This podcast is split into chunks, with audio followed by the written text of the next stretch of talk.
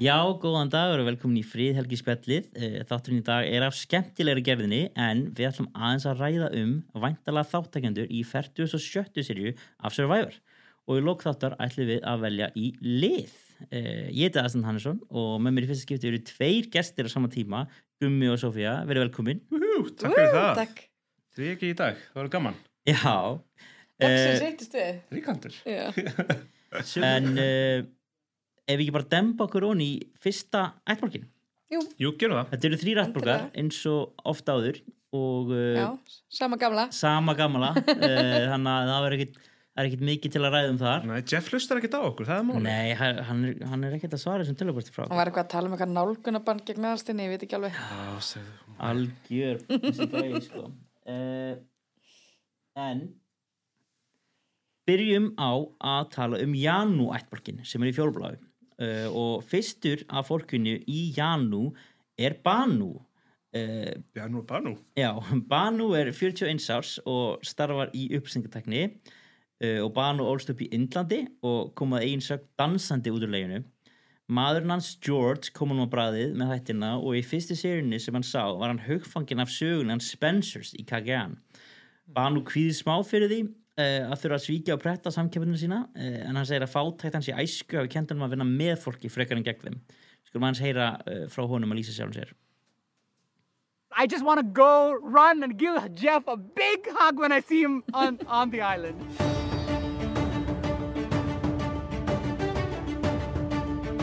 My husband George introduced me to Survivor. He's a super fan. To me, the first season of Survivor was Survivor Kagian. Spencer got hit time and again, time and again, but every time he rose from ashes. Spencer's story is my story in real life. Growing up in India, as I was born into poverty, there were times when there was no food. We lived under thatch roof, just like Survivor. And when it used to rain, it used to pour. How people are like living on Survivor, I lived like that for 18 years. It's not new to me. So this is mom to me. This is Mother Nature. But here I am today. Resilient, strong, determined to win Survivor. Þar hafið þið það. Sé samt ekki alveg tengingunni á milli hans og, og Spencers, en já, ok. Ég ætla að segja að þetta er minn upp á skeppandi ár. Það er máli. Ég er ógeðislega spennt fyrir Banu. Já, og akkur?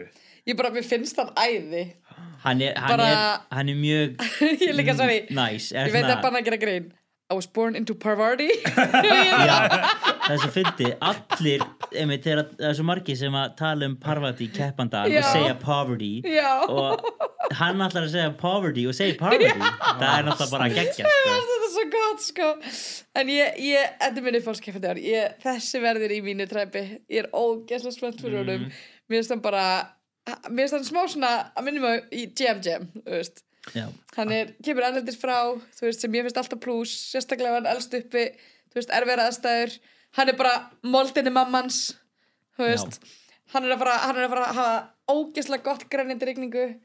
Þú veist, ég hef engar áhyggjur á honum sko, Og svona blandaðan er Sear og Jam Jam, já. Bókstarlega. mér finnst hann alveg bara svona, ég, ég fíla hann ógeðslega mikið. En svo bara spurning, því hann er svo mikið karakter og svo spenntur að, að taka þátt í Survivor, ætti hann eftir að vera svona óþalandi görn. Hann eftir að vera Hann allt og spenntur og það, bara sko. eitthvað, ah, too much for me. ég held hann gæti alveg gert það sko hann, mér Jam Jam gerði það í byrjun Já, fór í töðunar á fólki og ákvað bara lay low og ég, ef hann er nógu gáðar að lay low sjálfur þá þá held ég að þetta gangi upp hjá hann sko en ég er mjög hrifin hann þetta er bara ég, einn af mínum uppáhalds Já, ég fæ hérna, ég er smá hrættur fyrir Banu. Uh, ég er smá hrættur um að hann veit ekkert hvað hann komast út í gleikallin, uh, ekki út frá uh, aðstæðunum survival aðstæðunum en þannig. Hann, ég, ég er mjög, mjög hérna, vissum að hann höndli það mjög lettilega heldur, uh, ég held að hann sé bara too pure for this world. Ég held að Já. hann eigi ekki eftir að hafa í, í sér að svíkja og það kemur ekki á óvart ef að sko, leikmann sem hann minnir mig mest á er Ty svona Hmm. ótrúlega eitthvað krútlegur og saklaus og veist, fallin manniska og allt það og einmitt gæti alveg komist langt en ég bara, ég er ekki að sjá hann fyrir mér uh, vinna í lokin ég meina. Ty, hann náði nú að gera eitt svaka múf í hann Brain vs. Bronze Mhm. þannig að, maður veit ekki, maður veit ekki Nei, og svo er að það er hægt að vinna hennar leika á þessu ljúa það er hægt er það málið? Eftir, ég hugsa, ef hann spila rétt Mhm. þá kemst hann inn sem sjúklega mikið fan favorite top 3 Já, og sko, þá, þá á hann öll atkvæðin sko ef, hann, ef hann lifir að nokkur þætti ég minna Sia ætti bara að hafa númerinn svo speed-dial sko. ég get alveg bara sagt frá því bara strax sko. en nei, já, ég er smá hrættur uh, fyrir Já. hans hönd og líka bara, við, það, hann gæti líka bara tekið hún snemma þetta er sangjart punktur sko Mhm. Vist, ég, ég, ég skilði alveg en ég bara ég, vá, ég fíla hann svo mikið. Ég, ég var alveg bara yes. Ég er alveg hann. En þetta, hann er líka svona samtalið típa til að, þú veist, ef þú ert komin á strandina hversu huggandi nærvera er Banu? Mhm. Þú veist, Þetta er gæinn sem er verið að vera bara. Þetta er gæinn sem er verið að vera bara Nei, nei, við skulum, við skulum flétta þið palmfond svona af því þá fyrir rigningin svona. Þú veist, þessi mm. gæi er að fara að gera gott kamp. En líka bara, þú veist, að þú veist bara að ef hann er vinuðin, þá er hann ekki að fara að svíkja. Eða þú veist, hann er svo tröstekjandi en Mhm. ég held að gæti orðan að falli uh, já. hvað, já, ég held að hann sé hann early boot. Ég held að hann ætti að fara út bara þætti þrjú, fjögur eða eitthvað. Rough. Ég er nefnilega smáhættur um að hann gæti verið fyrstur af sín mættblokki en uh, eða eða komist í sína final 3 og tekið tæ uh, róleit sko, já, er það bara geitin já, pínu sko greikallin, en mjög skemmtileg personleiki já, definitely. definitely, það verður alltaf gaman að fylgjast með honum en ég held ef, ég held að hann væri kannski, ég held að hann verið too much fyrir ættbólki sin mm. Já, ég, ég skil þig sko. Það er annarkvort eða, ég vona hann verði það ekki. Ég vona hann sé í góðum go, Banu. Ég krossa putta fyrir minn banu. Já uh, í þessum hættbólk einmitt uh, er einmitt Jessica eða Jess, uh, hún er 37 ára hugbúnaðverkfræðingur sem fór löngulegina í starfsfældi sinum uh, hún byrjaði unga blogga og starfaði blaðmennsku lengur vel áður en hún fór yfir í tæknibransan uh, og nú hún er mikil handverkakona og er búin að plana að búa sér til hatt á degi eitt þar sem að hún færi ekki að fara með hatt inn í leikinn víst. og vonast til þess að ættbólkunin haldi ef hún sé yngri en hún er í alvörinu skulum hann segja frá henni I think they probably just think I'm a little bit on the silly side. And maybe young, hopefully younger than I am. Even if they know that I'm a software engineer, I think the way that I behave and speak, they're just gonna be like, she's cuckoo bananas. I actually got a scholarship to go to a coding boot camp and I moved to San Francisco sight unseen. I wasn't even sure if I would like coding, so I took a big risk there and, and it's paid off. My fearlessness and my like self-starterness about doing all that stuff was really helpful and I think it's going to help me in the game a lot. I didn't actually see myself playing it until I saw Gabby play in David versus Goliath, and I was like, oh, you're allowed to cry your eyes out on TV, and you can still like go deep in the game. You can be an Asian woman and not get voted out first.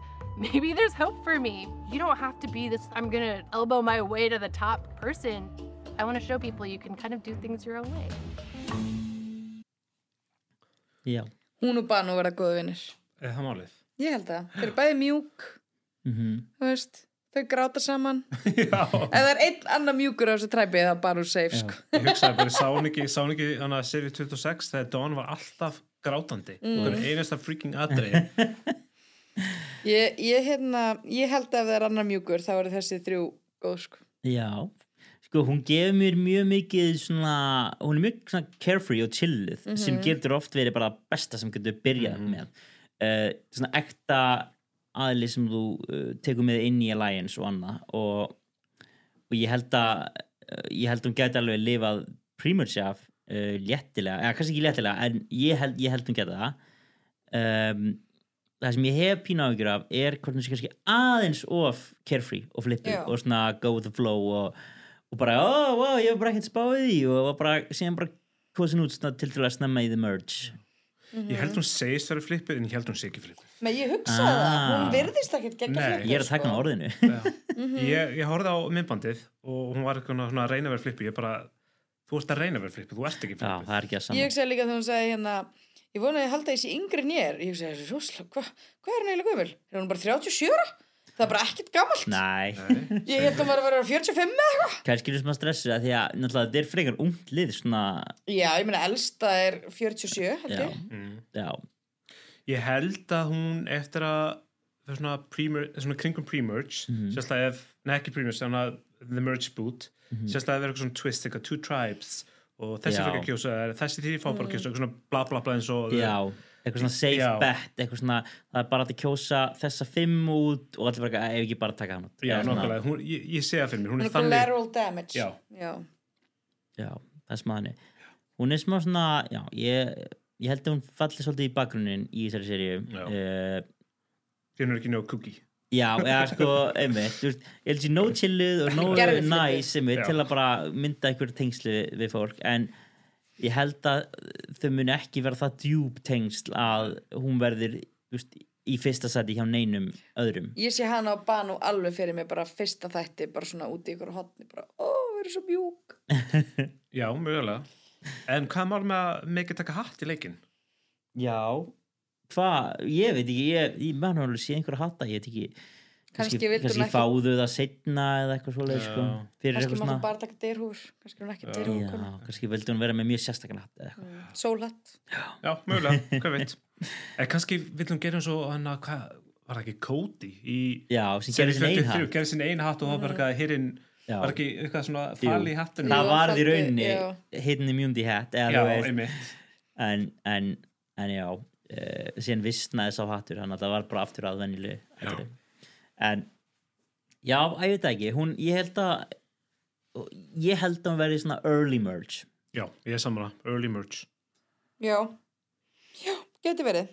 Ég er óviss með þessa, ég sé Nei. pass hér. So first member of the jury. Já, Já, alveg verið. Já, það getur verið. En herru, uh, förum yfir í næsta. Uh, það er hann Q en Q er einn 17 sískina og er 29 ára festaknarsali frá Mississippi. Hann lýsir sjálf sér sem uh, mikill í keppnismannisku sem sigrar í öllu sem hann tekur sér fyrir hendur.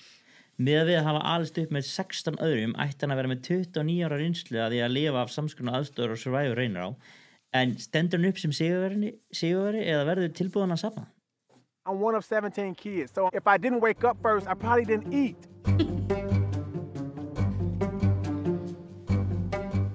the first in my family to ever go to college. I played football and ran track, so I had double duty within my small town. Uh, I'm only one of two that has ever played football in the SEC.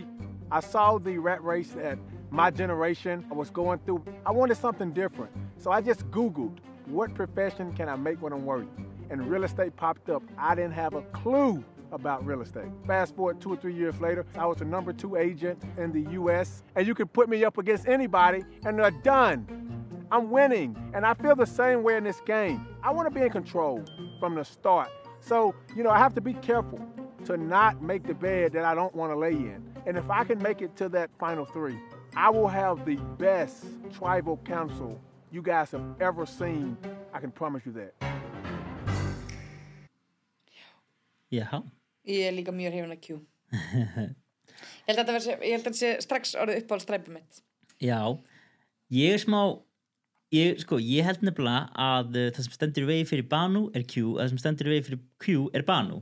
Já, þú veist að, það. ég held að annað hvort þeirra filosofía verði hérna, svona ráðandi í træpinu. Já, og ég sé ekki fyrir mér uh, hinn mjúka Banu og hinn harða Q uh, vinna saman. Ég held að það sé máli, Banu veit hvernig á að, að búa til svona shelter meðan Q heldur hann viti hvernig á að búa til shelter. Og þeir eru eftir að svona buttheads. Já, kannski það ég, ég, ég trúi því að hann muni standa sig vel að því hann á 17 sískinni það er, það er vissulega mikið sískinum mm Ég held í alveg að það hjálpir mjög mikið hérna líf hans er bara survivor, 17 sískinni Mhm. kjósa hvort hann út.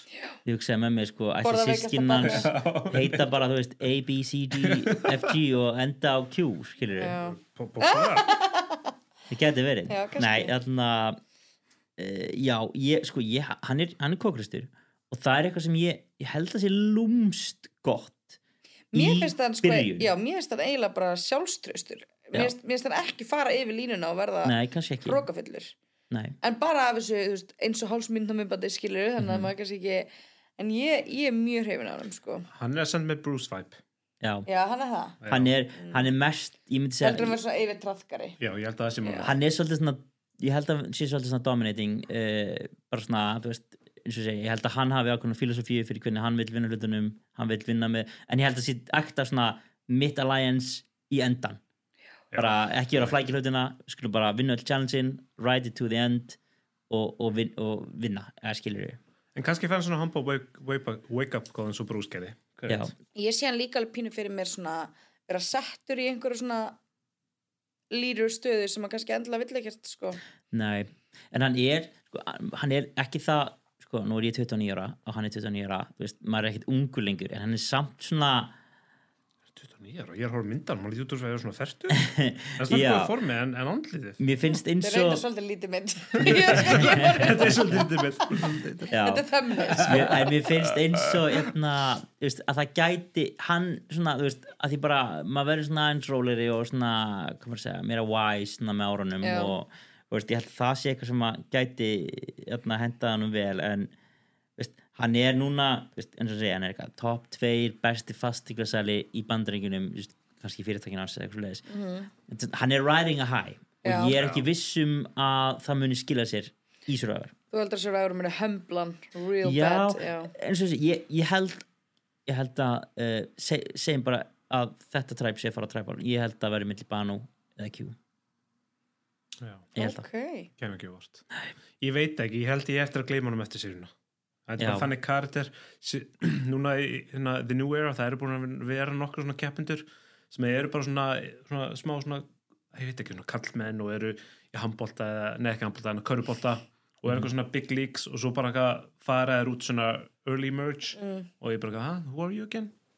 já, það er held ég, þú veist, ef þú ert ekki etna, svona meðferðilegur eða svona, ef þú ert of segja, kannski ekki þröngsýn en bara ef þú ert með planlutuna ómingið þú ert bara algjör dúer að þá áttu svolítið erfitt með að höndla breytingana sem nýji leikurinn er svolítið að kasta fram í fyrir veist, það er bara ekki hægt leikur við lengur að stick to an alliance því að það bara, Jeff mun kasta svo mikið af drasli í keppnina að þú veist aldrei hvað er að gerast næst. Segðu rýpa það.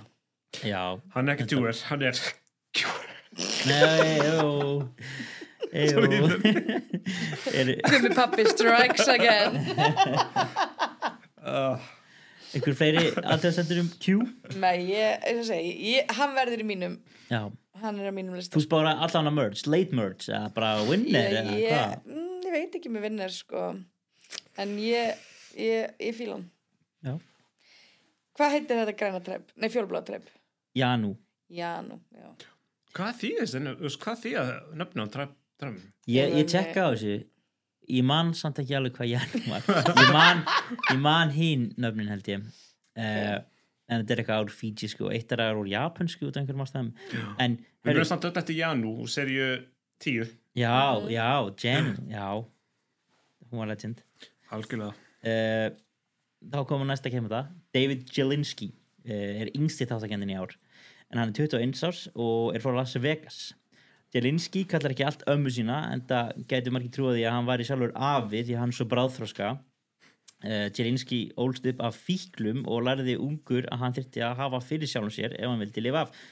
En hann starfa nú sem þjónustæðali fyrir spilakassa uh, sem er svolítið áhugaverð hérna, starfsveit uh, með aldur og fyrir störf Hann á einmitt svona Survivor spilakassa Já, einmitt. En, Reyndar Vegas sko Já, þetta er held ég bara normið þar sko. en hann elskar alls konar leiki og spil og, og vonar hann geti nýtt Eh, aðferðir úr leikjafræði til þess að sigra Survivor other fan has a survivor slot machine in their bedroom. When you see me, you're not thinking of someone who is super analytical, super intelligent. You think of someone who wants to smoke a doobie on the beach. But no, I'm here to be sole survivor. If there's one person I'd have to say I'm like, it's probably Tyson. Very humorous, witty, but devious. I'm very devious. My biggest upbringing was kind of like the hangover. My dad was a bookie, so I was always inside of casinos. And on top of that, both of my parents were addicts, so I knew from a young age I was gonna have to parent myself and just kind of being the rock for my family. In a game like Survivor, I feel like you gotta be patient and calm, and my life has definitely prepared me for that. When I found Survivor, I knew this is what I was supposed to do. You will be on the jury, voting for Jelinski to win. No, you will be on the jury voting for someone else to win. Vá, ég er hrifin af honum Ég fíla hann Já.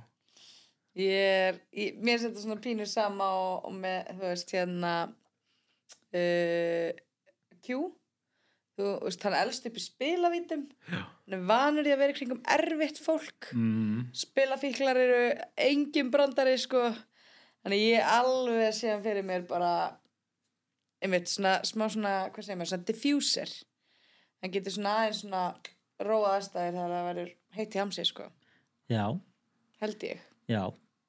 Á, á hinn á hinn þarna, Bóin. bóin þá er hann 21 árs.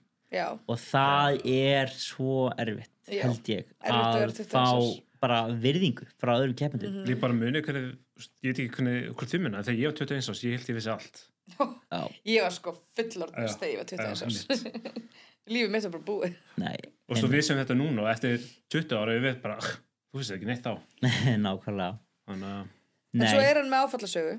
Já, mm, og Þannig allir bara hana. ég er að segja það, það, það, hérna, það þroskar mann alltaf aðeins Já, reyndar, reyndar. Ég ætla að segja út frá þessu viðtalega en ekki eins og flestir 21 árs sem ég sé Nei, sér að var. Ég algjörlega alveg gefa hann það sko.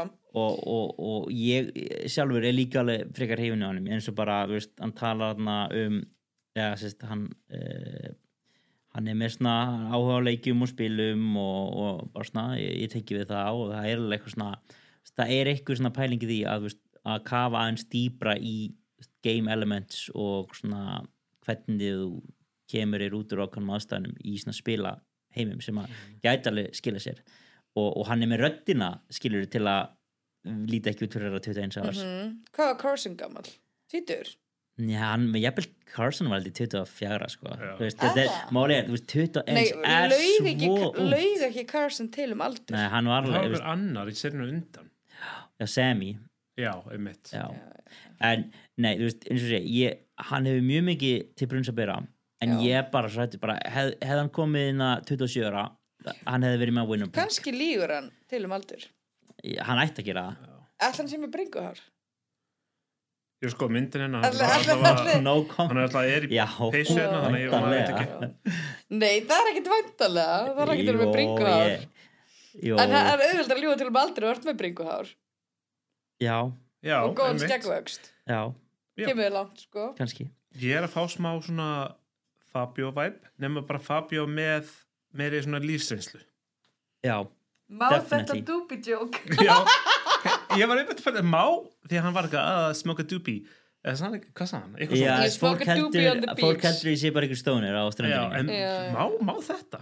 sko, það er við er löglegt þetta í er ákveðnum löglegt á fylgjum í er pottjett í Las Vegas sko. Já. Já, pottitt, en ég bara má segja þetta í CBS. ég held að sé alltaf að vera línar og línara Já. með Já. þetta Ég hef höfafar aldrei, sko. heyrt, ég hef aldrei heyrt neitt svona þessu væfir aður. Nei. Eitthvað verið að tala um að reykja gras. nei, ekki, já, einmitt Þú segir það, sko. Ég er bara, já, það, það var fyrsta sem tók eftir. en, en eh, já, hann er já, hvað mér líst alveg á hann Já, ég, ég ætla að segja, ég ætla að segja hann komist í Mercy, sko. Ég er hrifin á hann En ég, ég, mér erst svona, ég er, ég er of hrifin á þessu træpi. Hvað Já. er eftir? bara vonandi náðu að vinna alveg bara alla, hana All Tribal, nei hana. All Immunities. Mér líður eins og að vera geð gott vibe í þessu træpi. Mér líður eins og vibe in tribin. Það er bara fýtgur. Já. eins og segir svona Fabio með bara meiri lífsreynslu. Lífsreynslu. Ég, ég get alveg trúa að hann sé með smá svona leindareynslu. Fóreldrar sér fíklar, elst upp í spilavíti, Mm og veist, trauma builds character, sko. Með bringuhár. Já, við vitum ekki hann þá. Við verðum að býja að sjá. ég, já, það er einmitt sko, ég veit ég var að segja á núna að þetta er örugglega að milli bánu eða Q þú veist, ég held bara að hérna uh, að þú veist að hann, hann er líka í smáhætti í byrjun Já, bara, þú veist, það, það er verður ekki eh, það, það bara er aldrei til, til að hjálpa þér að vera svona ungur sko. nei. Og þú það er veist- ekki, sko. Hann Samt segist er- þér að bróðhörska og hann er það örugla en á sama tíma þú ert þú veist, bara í allt öðru svona social circle og allir hinnir og bara, bara referensin og annað sem fólk er að tala um þú veist, þú ert alltaf einhvern veginn út úr út úr þessu. Já. og það er líka ég held að hjálpa ekki að mér finnst konunar í þessum ættbólki vera svolítið sterkar og þess vegna mitt held ég að þessi frekar kallanir sem að eru líklega til að vera hendur út En svo til dæmis ef að, hérna, þessi ættbálkur fer á þann vega þetta verða mjög, mjög skiptur ættbólkur þá get, get ég líka séðan fyrir mig vera swing mode sko. Ég var einmitt að hugsa það. Það sem hann er bara haldið að því hann er 21 ás auðvelt að spila með hann Mhm. þú veist. Já, Jess kemur hann inn og mamma hann svolítið til. Mhm. Ha, hann hefur ekki átt góða mömmu hún kemur inn og stígur inn og verður góða mammans. Nei, já, ég held að, ég held að þetta sé svona klassist klassist svona áttundasæti já, svona Já, mid-merge eitthvað. Já, já, já, fair ég sammála. Vonum bara það besta fyrir okkur mann Jelinski. Já, Jelinski. En uh, þá er komið að næsta kemur það. Uh, það er hún Tiffany uh, sem er 32 ára listakona frá New, Jersey. Vinir hennar lýsa henni sem veruleika fyrtiri því hún lifir í ein heimi en hún svarar því með því að í þeim heimi er best að vera. Heppnin er oftast með henni í liði og þrautsegan sem leiðis getur þessi viðkunnulega listakona málað eina rauða eða er málingin farin að þonna ég veit ekki alveg hvernig ég var að fara með þetta uh, í heyrum aðeins frá henni Dang, I feel like we're in therapy, girl. What? You asking all these federal questions?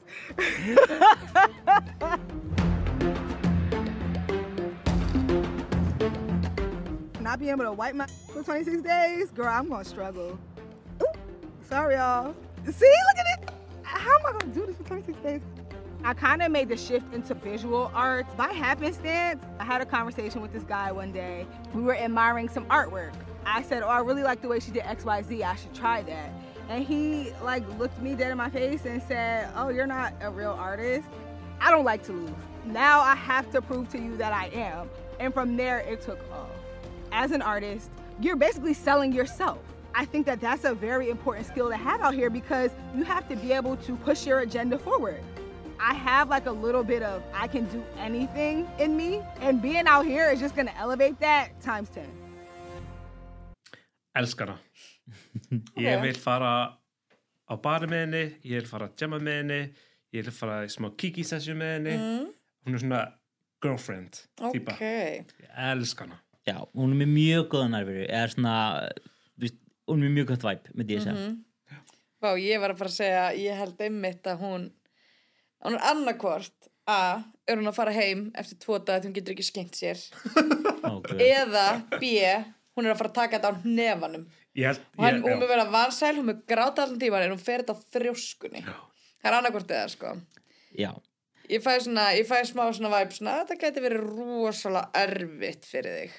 Ég held að það er fyrir hana. Ég held, að, Já. ég held að hún sé svona típa sem að bara lætur hlutin að virka í kringum sig. Og ég held að hún verði miðjan af þessum mættbólki það kemur ekki að, veist, hún er social, hún er uh, sjálfströst og þarna, það er oft bara svona að, aðdraftrafl fyrir aðra að myndast í kringum þig. Og eins og segi, ég held að uh, það verður kallmar kostum út af þessum mættbólki fyrst, að ég held að konar munu allar samanast af því að ég held að þær eru allar bara right up each other's alley og geta pikkað upp einhvern eins og Banu eða Q eða Jelinski eða það vilja en ég held að öndanum að þetta sé svolítið í þeirra höndum og ég held að þetta sé í höndum bara einmitt í höndum Tiffany sko. ég, hver síðust, við eigum síðustu konun eftir ekki Jú, hún er eftir. já, ok, ok. Ég er að fílinn tællur hún, hún er svona, ég held hún eftir hennar langt Ég held hún veri vinsæl Og hún er engan filter Og við þurfum Hún er svona, hún er svona keppandi Svona í- Hún er svona típa úr eins og Real Housewives Mm. Það er eða væri hvítvín á ströndinni Þá var hún alltaf svona Já. að skvætta fara með þig Einmitt.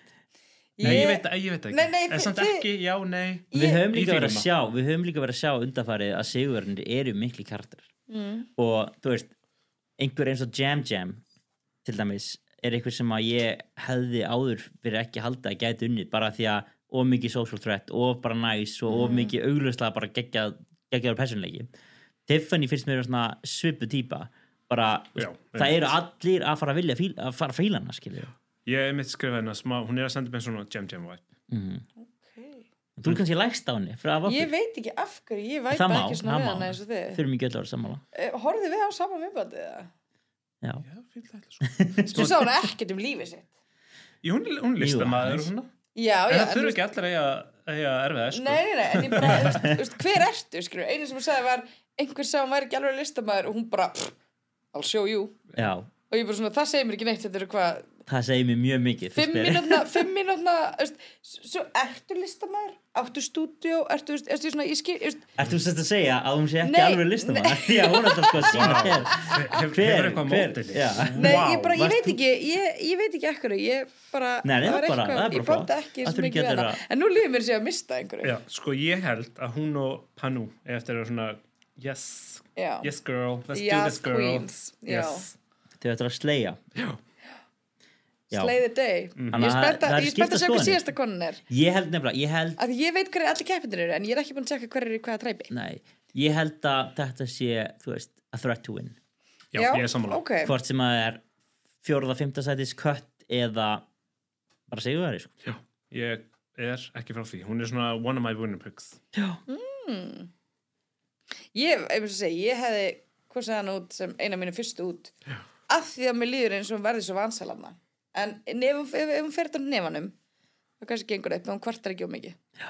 En, heyrum í næsta þáttakenda Kenzie er 28 ára hárgrilsistofan eigandi frá Charlotte uh, og hún er tattúveraðasti keppandi survivor og er svolítið eins og blanda á milli Jam Jam og Carolyn. Uh, hún elskar segjandi ástasögur og púsl og segist vera leynilega gegguð í borðspilunni Katan. Verður þetta klift og skori hjá henni eða verður henni skipt í miðju, hver veit If Parv and Marianne could have this like weird, strategic, hot, funny, positive baby, it would be me. I was either gonna do hair or I was gonna marry like an old rich dying man. Those were my life plans, and now I get to be my own rich man.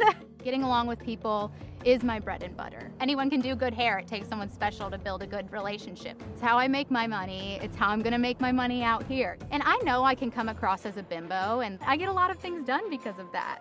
If I go next door and ask my neighbors for a screwdriver, they don't give me the screwdriver. They come over and fix whatever I need them to. I'm thinking of these people like split ends. Like sometimes they gotta go.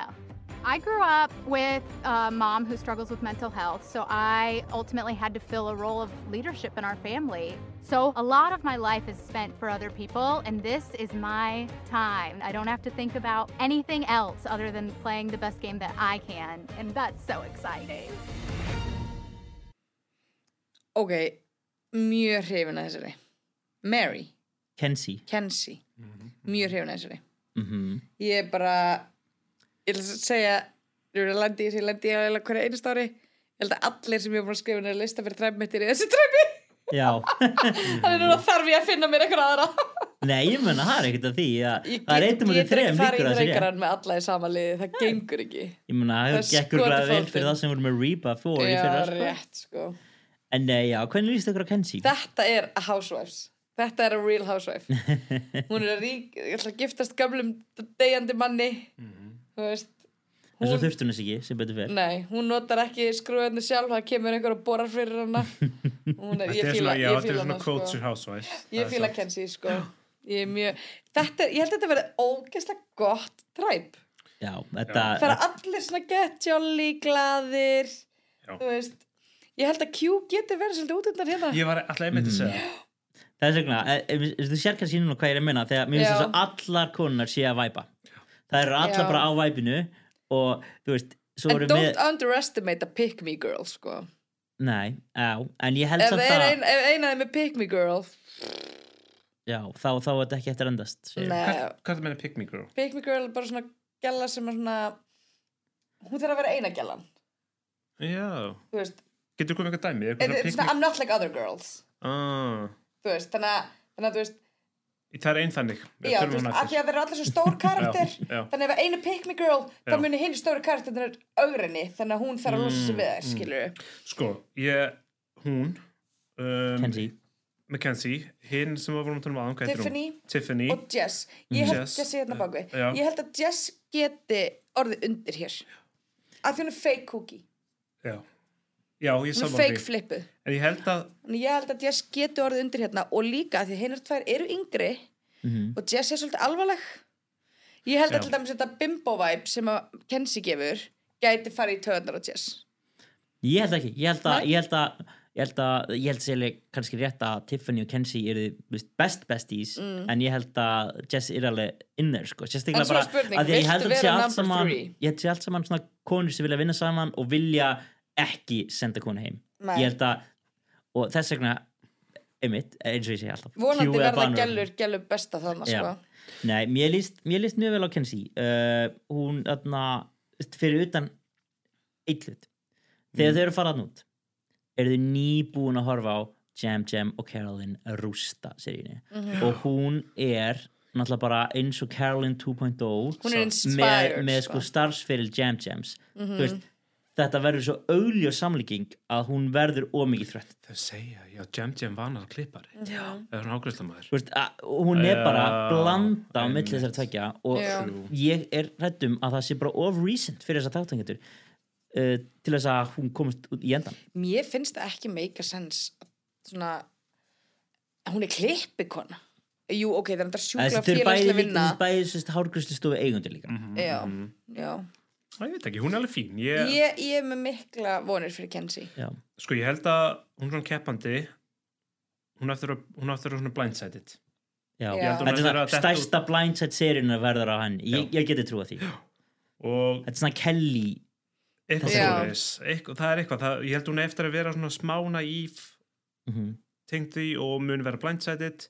En ég held að hún, Kenzie uh, Tiffany Banu, þeir eru eftir að taka Q, nóðast um Q-tip og beintur usli fyrsta, fyrsta, not fyrsta the tribal Q-tip sko brútal, merkjaður maður sko Q er bara first boots ég held í að þessu Q er tribe. mjög mikill tappi með að vera restina af Mhm. Já, hérna. hann er svolítið hra- bara óhöfinn að lenda í þessum ættborgi Já. en, en eins og ég segi, hann á við skulum ekki vannvita að hann á se- 16 eða 17 sískinni Það getur alveg hjálpað hann hér sko það er hárið ef hann er a people's person þá er hann alveg að fara að berga sér þessu sko En Kenzie, hún er, enn að, já, hún, hún er á stofu, mörg tattu og svo leiðist. Ég er náttúrulega er með mikið svona throwbacks. Munið hver að síðasta gellan sem að, var líka klippari og með mikið að tattum?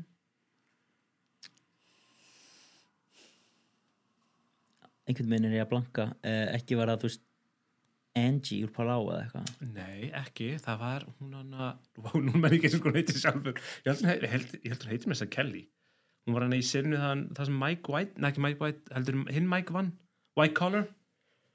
já, Munið eftir henni, svo ljósar. hún bara bífa við, Já, einmitt. að við helvitið hann hann að Dan Já, einmitt. Lindsay, hún heitir Lindsay. Lindsay. Hún var líka með svona slatta tattum já, já, já, já, og- já, hún já, sagði, já. Og- hún sagði eins og frættið er hérna, somebody on this mat will win this game. Já, Já, einmitt, já, já, já, já. the blue collars. Bara svona smá throwback. já, gamla því. Já, uh, við erum stressuð fyrir uh, hönd Q. Já, en annars er Janú bara byrja vel sko. Já, við það virkilega bara- vel og ég meina vonum bara, veist, að þau þurfi ekkert að fara træpal ég meina, þetta er sterkur trúa hópur. ég get alveg trúa að Janú sé veist, ok, Það er engin ég skal reyndar gefa Q það.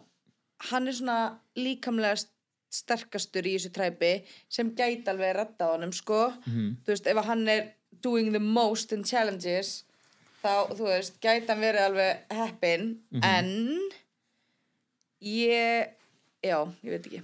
Nei uh, Ef við ekki bara vinda okkur yfir í næsta aðborg En hvað segir Cube er að do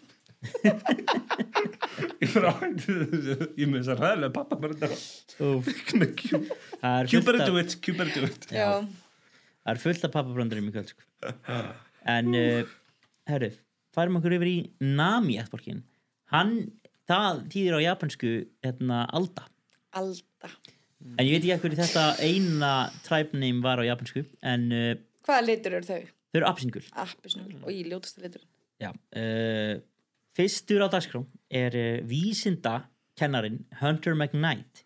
Uh, Hann er 27 ára frá Mississippi og hætti við að fara í læknunám til að senna kennslunum Hann heldur út í Survivor Lake fyrir krakkana í skólanum og hefur yðurlega þurft að taka móti kvörtunum frá pyrrðum fóraldrum vegna þess að Bubbi kaus út Jón með Idol og svo framvegis. Uh, mun þessi undirbúningu vera nóg fyrir Hunter eða fara hann stöðulækunni niður í Gatherer? Heyrum hans frá honum.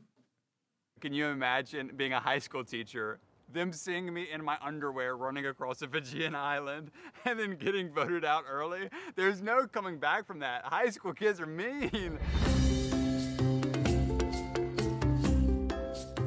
If you're from a small town, the dream is to become a doctor. Had a full ride scholarship, uh, had it all set, but then got to come home and sub for my sister. Absolutely fell in love with just getting to be with the kids day in and day out.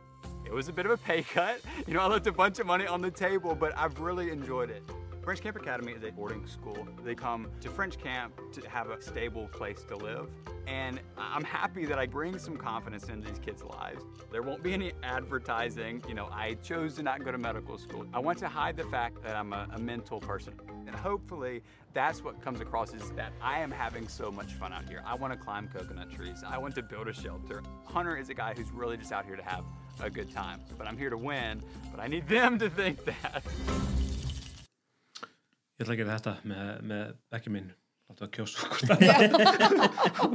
og fá tölvupóst og svo leis Ég elska high school kids are mean. Það er svo rétt sko.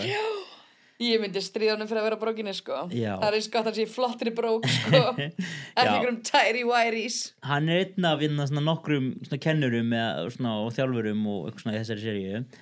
Uh, og virðist vera bara mjög svona viðkunnulegi gæi. Mhm. hann er svona hann, hann gefur mér fyrst þegar ég sá myndunum þá hugsaði með mér þetta er svona Brian Heidick uh, þetta er svona, þetta er svona þinn típiski svona gáfaði karlmaður sem er frá að vinna seríuna en svona karlmaður hefur ekki unnið seríuna bara Nei, í mörg mörg ég ár veit- núna. Hann Mér ég, og hann líka aðeins smá- goofy. Já, mér finnst hann smá naív sko. Ég held að hann sé svona pínu. Ég held að hann gæti alveg svona Þú veist, hann er búin að spila Survivor með 13 ára krökkum. Já, Þú veist, Hann er ég, ekki ég sé hann alveg fyrir leagues. mér bara svona ah, Stiga banana og renna þess til og bara Úps, æ, hvað sem út. Þú veist, hann er svona gæði sem fer að træpa bara, ah, djöfull. Bara, do you feel safe tonight? Og hann er bara, já. Og það hvað sem heim, skilur Já, ég veit ekki, ég er ósamlegaður Já, Ég, hann, ég held hann eftir að vinna.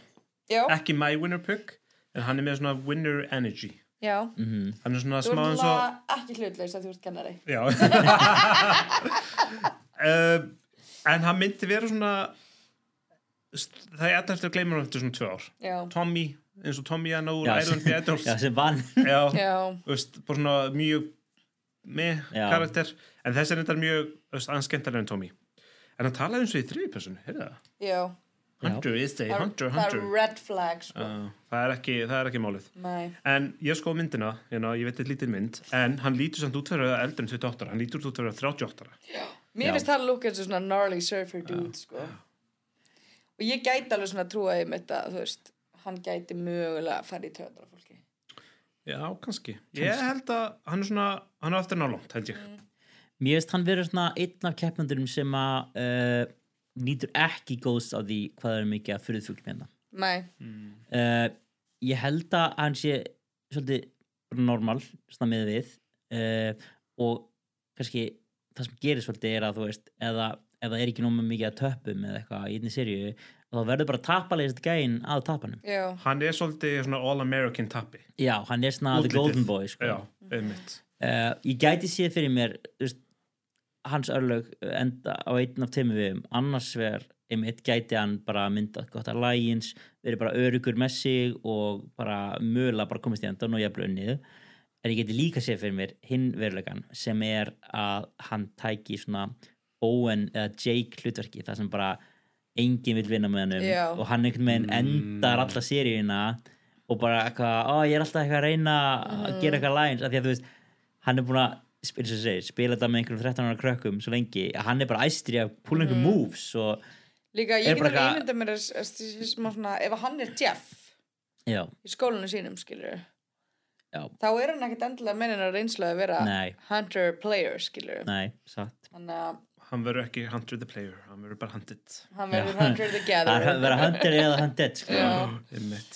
Nei, Já. Já, Já, ég, ég ætla að segja pre-merge, held ég. Ég held að hann geti alveg verið svona já, það kem, kemur óvart Já. en ég, ég held að hann sé late merge, já, ég, ég sé hann alveg fyrir mig sem collateral damage bara, þú veist. Það getur gerst. Já. sérstaklega af því að uh, ættbróknar hans er svolítið, etna, svolítið grillaður. Já, komast, kom, fáum hans að sjá mér að að því núna. Mm -hmm. uh, ykkur fleiri skoðanir á Hunter? Go hunter. Mér finnst það sem eins og segir, hann er ofennlur, það er ekkert mikið til að Nei, plokka í hennar það er líka bara að vera ok, ég hugsa ljótt að segja þetta en að vera bara hvítur, gagkinur, kallmaður í dagissu væfur, það er ekkert það merkilegt. Nei, um sjö og margaðum kennari er. Nei, en að mér finnst samt búið að vera gaman. Mér finnst þessi seria uh, stars svona hlutverkin hafi verið svolítið meira blue collar heldur en vanlega Já, ekki að mikið af þessum etna, millennial office workers Nei, svona, með wake störf eins og recruiter og eitthvað svona. Mhm. þannig að það er gamla því gamla því að það er aðeins meira etna, uh, já, til að vinna. En uh, úr venjulegasta manninu mögulega í seríunni yfir í kannski mesta förðufuglin uh, í förðufuglaseríu Liz Wilcox er 35 ára förðufugl uh, sem minnir svolítið á Shambo á yngri árum hún rakkar mölletin eins og yngri morgudaginn en hún vinnur sem sérfræðingur í markasetningu í tölvupostum eftir áskurinn dótturinnar um að sækja um, sendur hún umsögn og tímundu setna fekk hún simringu tímundu setna Já, hún lýsir sér sem blöndu af Russell og Sandra sem er undarlega kokteitt út af fyrir sig en vonum að það þýði að hún rati allavega í Final Tribal mm. frá fyrir það, hvort sem við vinnum eða ekki heyrum aðeins frá henni Talk about you and uh, My favorite subject. yeah. Great. Yeah, I was really bullied as a kid, and I was mute and depressed. And my mom, she said, You know, Liz, the more you try to be like everyone else, the sicker you get. I just realized these kids don't like me anyway.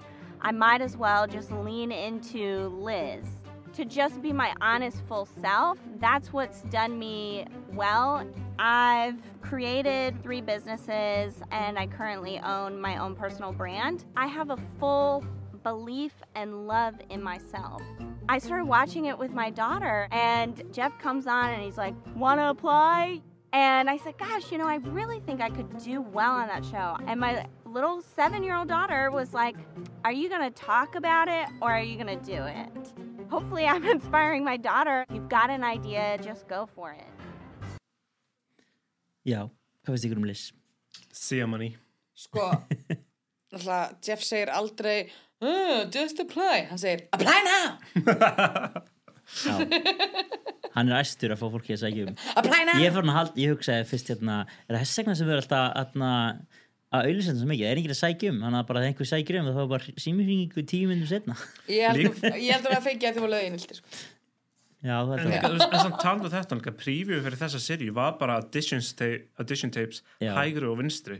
Og svo líka þú voru að segja, þetta er allt bara mjög svona normal fólk kannski það málið, þið vilja Kannski- reyna að fá svona meiri svona normal fólk kannski að er það, um. já, kannski er það svona, hverslags manneskju bara. average einmitt. kannski er það að taka meira af innsendum eh, svona heldur en áður eða, ég geti líka trúið bara Carolyn og Vinsæl mhm. Og þeir eru kannski svona, bara svolítið að leita fyrðufuglum í þessari serju og það er kannski bara svolítið þú veist þess vegna fekk hún símdal fyrir tíminn setna þeir bara að hún er með ég margir til gleru ringi ég, mér ég, strax. ég held að Jam Jam og Karen hafa al- alveg selt þau á furðafuglar ég held það sko sko, hún er svona útlýslega Shampoo, Aubrey hún og Marie, Mar Mariah. Mariah, þær eru eins og systur. þær eru eins og systur og það er líka bara báða svona lúðar. Það eru ekki veist, þetta er svona það- það, mér finnst margir fyrðufuglar í þessari serju og mjög margir á, mjög margar áfallasögur. Já, hérna, það er allir alveg þú veist, það er mjög margir með selling point fyrir af hverju þeir eru að fá penningana skilur Ég læst hann taka skýrt fram, það er ekki að vera lúði, það er indislegt, verður bara þú sjálfur, það skiptir mestu best að máli. vera lúði, sko. Það er best að vera lúði og Já. lúðar eru indislegir og það er geggjað að vera lúði. Það er bara að vera Ágæst, svolítið. eins og hún sagði, lean into Liz sko, verður bara, veist, það er bara já, Já. svo er líka hérna, þessar harm, harmfarasögur náttúrulega er, það það sem að gerir mann að persónleika því segja, áfallbild mm skapar karakter sko sko, ég veit ekki alveg hvar ég á að- hvar ég að hafa list sko. ég, ég er svona því að þú veist, mér finnst hún bæði vera einhver svona algjör fyrir fugl en samt einhver sem er svo ótrúlega vennilega eitthvað það er hún og kennarinn sem eru komnir í, í öldutræfið Mhm. ok, Sko ég held að hún er eftir að early boot eða svona the goat, dregin to the, svona, dregin Já. alveg út yeah, to the final trans, tribal council sem goat. já já, það gæti gæst ég, hún gefur mér svona pínu Emily vibe ég held að hún gæti alveg farið pínu töðan af fólki. En Mhm. ég sé hana líka alveg fyrir mig geta komist yfir það og bara hei, ok, fatta að þetta virkar ekki. Mhm. sorry. En svo, já, uh, hún er sko 35 ára sem að ég myndi segja að sé besti aldur til að keppi survivor. Uh, sem er svona þú, þú, þú ert þú veist hvað þú ert. Þú ert Já. ekki í neinum efa og, en þú ert ekki of gamall til þess að einhvern veginn líta niður á Mm. einhvern veginn það sem er yngri eða svona ekki skilja Nei. eitthvað þannig, mér finnst þetta svo þú getur að leita til flestra uh, já, svona millinni. Já, en þú veist, það er náttúrulega, er með svona smá einhvernlega rödd og einhvernlega hérna, kannski útlit og svona, þannig að þú veist, það er svo kannski svolítið erfi af því það er svo létt að benda þig, Mhm. sérstaklega ef þið lendir snemma í træból, þá er ég mjög hrættur um fyrir hennar hönd að hún er bara, þú veist, það fyrir líka bara eftir ættbálnum hennar. Ég held til dæmis að hún myndi passa mjög vel í Janú já, það Já, bara er ekki er mikið pláss fyrir, að- Nei. fyrir alla fyrirhuguna í Janú, sko. ég held að Janú verði annarkvort að rýpa eða Delulu, annarkvort verða þau ógeðslega æðislega og allt gengur vel og þeim líður öllum vel og þau eru öll vinir eða þau verða alveg bara já, sko, en við erum ekki í Janú núna. Hún gerir sér grein fyrir hún, hún, hún, hún, er bara, ég er öðru sig, ég passa ekki inn í þetta hefðbunda og allt þetta. En ég ætla bara innilega að vona að að, að Edith mun ekki just, mjólka og skýta yfir hana Nei, eins og með Philip og Shampoo sem Nei. að eru alltaf öðru sig og, en fór ekki alveg að gera sér grein fyrir kannski nei, og það er ekki það því að vera öðru sig fattur en, en hún er alveg opið með það að hún er ekki að fitta inn í þetta normal Nei. mold og ég ætla að vona að Edith sé að vinna með henni en ekki að mót henni ég er Mhm. mest ágjörnum því að Edith mun Edith mun vinna mót henni en e, úst, þau, það er ekki að vera að gera þess að dana í, í Survivor Nei. Nei, mér finnst þess að þetta sé búið að snúa svolítið, veist, fólk er alveg jafnvel þegar verið að gera grína einhverjum er það satt smávirðing líka, Já. sko. Mér finnst líka bara svona almennt með Survivor, fólk bara er almennt minna dónalega en það var þetta gerist bara svona alltaf með raunverulega þetta finnst mér Mhm. til lengra, þú veist, til fleiri seríu sem verða þá fattar fólk bara, þú getur ekki Nei, alveg að verið alveg svo vilt sko, þú þarft alltaf að vera þess að passa þig. Jafnvel eins og til dæmis í senstu seríu þegar Bruce, hann kannski ekki fekk verstu útreðina, þá fekk hann samt svona redemption episode, mm skilur sem að við fengum aðeins innsýn í hans Já, hans svona veröld og, og annað. Þannig að, nei, ég bara ég er búin að hlusta tvö viðtölu með henni og ég bara, ég veit ekki hverju ég var að setja hana. Nei. bara hún geti verið annar svona keppandi sem að ég held að ef að ótrúlega satt gæti fallið bara inn í bakgrunnin Já. þótt hún sé uh, ég held að Já. því að það eru komin margir förðufuglar í janú þá kæmið mér ekki orð og myndi fara út pre-merge Einmitt. vonandi ekki ég held að ekki. að vera Ég- förðufugla træmi ég til að er blómstra tilbúin sko. að fá sko Liz Renaissance skilur, ef Já. hún gæti orðið bara coach þú Já, veist, hún- 4.0 hún eða yrði eitthvað svona bara- það er í geggjað, ég elska það við Já. elskum coach hér Já, uh, ef ekki bara dempa okkur í næsta endilega. En svona, svona sem kannski svona spá fyrir hver hún endar? Já, ég held að sé ég held að sé svona late, ég held að sé, ég held að sé pre-merge, en samt late pre-merge. Ekki fyrst.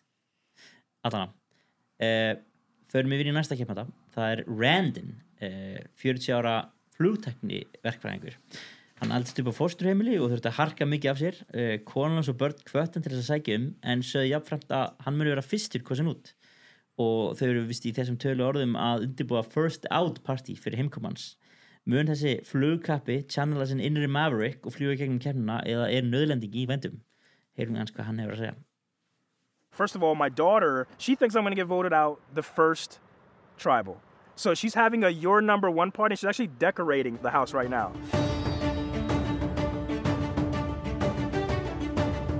Had a really hard childhood. That all stems from like a broken household, running away from foster homes, uh, living on the streets. Nothing was given to me, and I had to force every single hand I was dealt in order to be who I am today. I got a great job uh, starting off with a telecom company. I've been with them for 18 years, and I've been in the Air Force for about 13 years. My children don't know of my past. They don't have any idea that daddy struggled in life. Every time I see my kids enjoy their life, it makes me extremely proud. I'm signing up to struggle, and I work so hard not to struggle, you know? It's full circle, and my goal is not to go to a number one party when I go home. Já, Randon. Ég fíla hann. Hann er að lista hjá mér. Já, ég fíla Randon. Ég- hann, ge- hann er að gefa mig Jesse vibes. Ég er samla smá Jesse vibe, já ég bara Hann er að gefa mér svona væpa hans sé einn af svona venjulegustu fólkinu þarna en samt á Mhm. góðan hátt ólíkt hinnum ég held að ég, held að, ég tengi 100% Svo er hann við inn í að Air um. Force sko Bandaríkjumann elska fólk sem servar sko.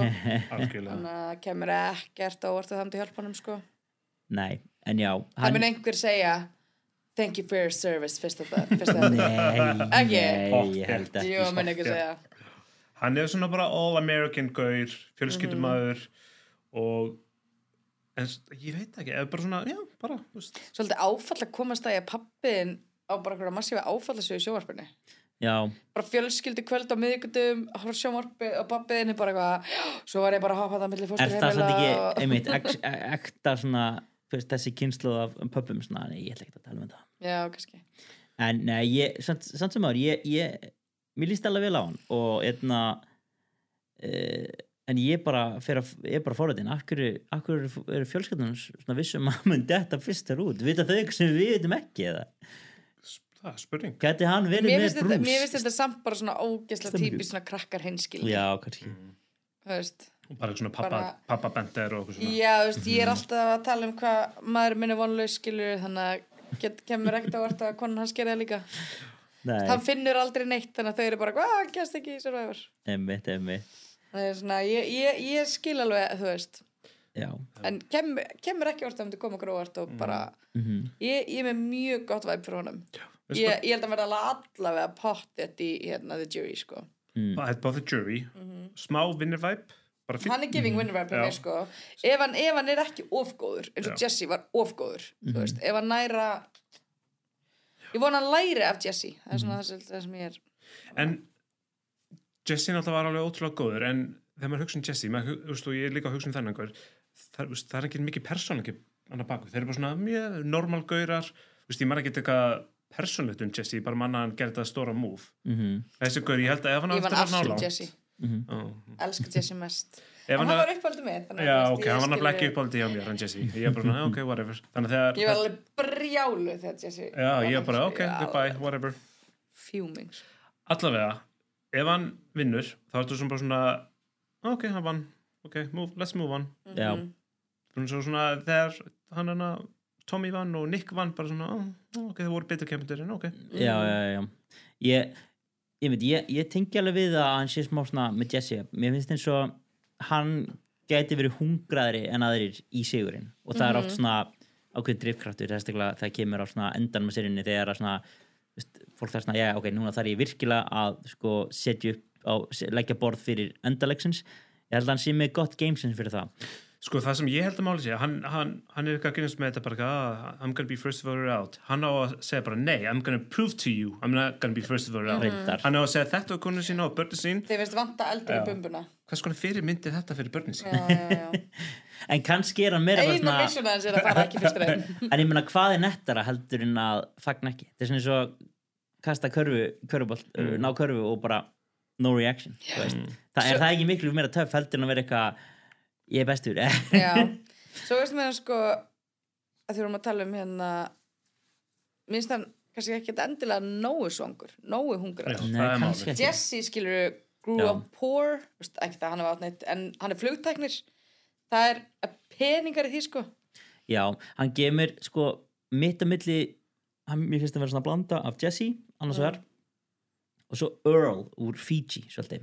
Bara þessi svona cool, calm and collected gæi sem gæti bara silt þessu heim já, já, já bara svona, veist, bara örgur bara góður við fólkið í já. sínu bara heldur stjórn á þessu og bara siglur, bara lignan sjó alla lífstilt, en sem, sem gæti verið smá boring en já, hann gefur allan engar ástæð til þess að halda hann sé að fara fyrstur út eða að fara að ganga illa Já. Nei, ég held að, ég held að þetta sé annar svona threat to win allan ég, Við þurfum að sjá early winners, við þurfum að sjá early, early winners at Word 2.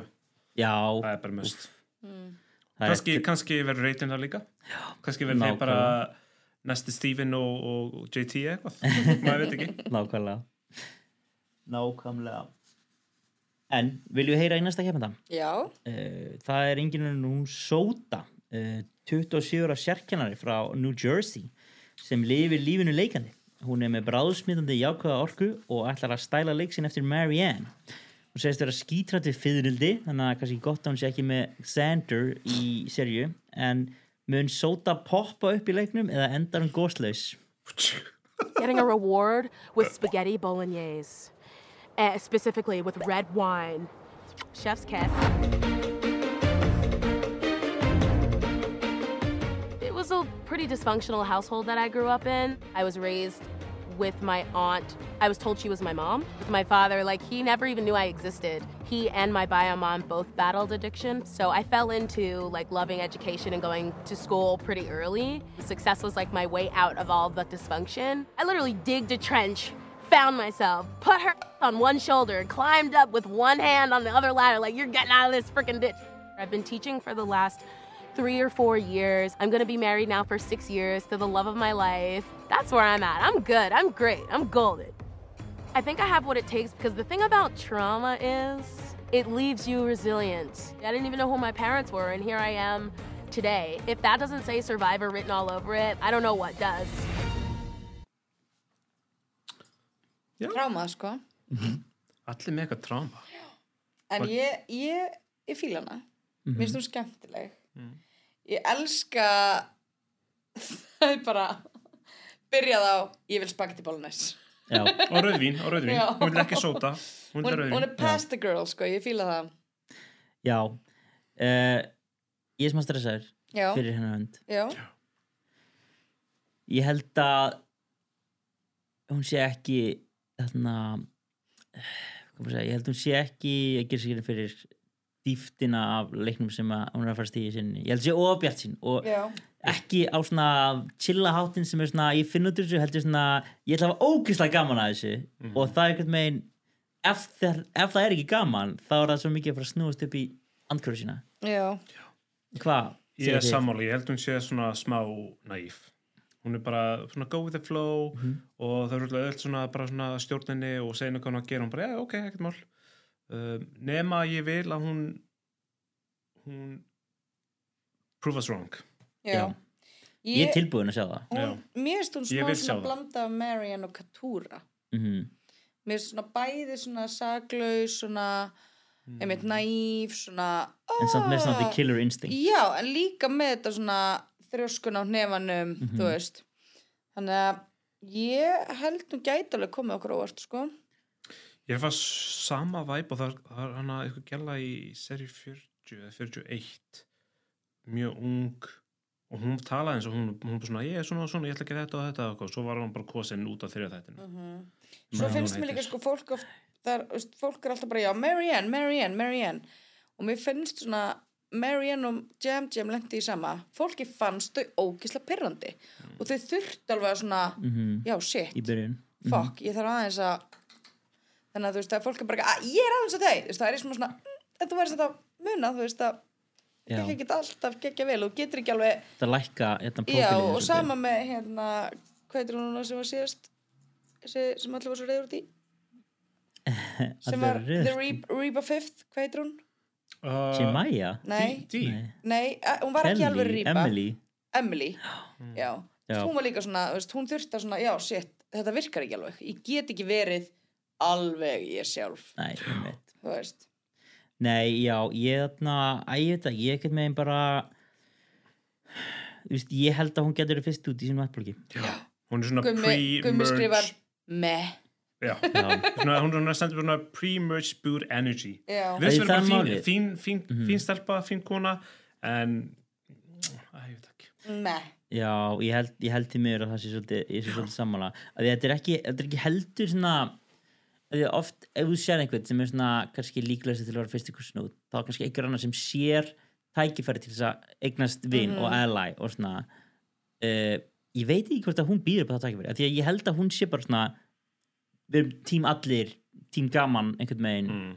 en þú veist, svo hver veit kannski sýnir hún alltaf að mynd á sér um leiðun lendir Náttúrulega núna er hún spennt greinlega í þessu viðtölum en ég hef ekki séð ennþá nógun mikið konkrétt frá henni til þess að geta sagt að hún sé að fara, fara að spila góðan leik þannig að ég því miður spái hérna, pre-merge og ég er bara þú veist eh, first out. sko. já. því miður en Já. vonandi er hún að, að prove us wrong já, sammála, ég er meira en til í, uh, til í það You go Sora Úr Ha. sótanu í smjeri allavega uh, næst er það Venus uh, 24 ára gagnafræðingur held titti ég titilin hennar sem. Um, hún er frá Kanada og uh, hún ætlar að reyna að halda áfram góðu gengi í Kanadamanna uh, sem hafa nú þegar segra tvær serjur í þessum nýtisku serjum það en uh, hún rætt, rætti sinna reykja til Íran. Hún er hrættum að fólk haldi fyrstu kynni að hún sé algjör Regina George að því að inn við beinið er hún algjör softi hún ætlar að stæla leikin sinni eftir Parvati og Seri og ætlar að reyna að taka sigurinn fyrir alla af persneskum uppruna heyrum hans frá henni I'm gonna let everyone fight for the wheel, and I'm just gonna call shotgun. But I'm the one giving directions, you know? Turn left, turn right, give me the immunity idol, you know? Things like that.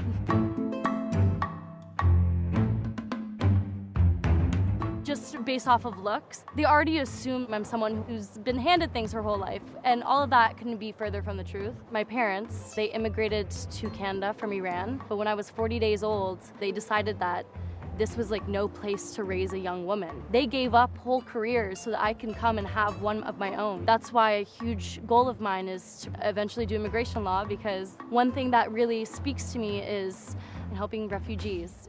Growing up being a different color from everyone else, you start to feel as though you don't have a space. You know, I want to be that representation that I didn't have growing up with what's going on in Iran and the women there fighting for their freedom and dignity, if I have those women in my blood, there's nothing I can't accomplish. You know, I can be the next sole survivor.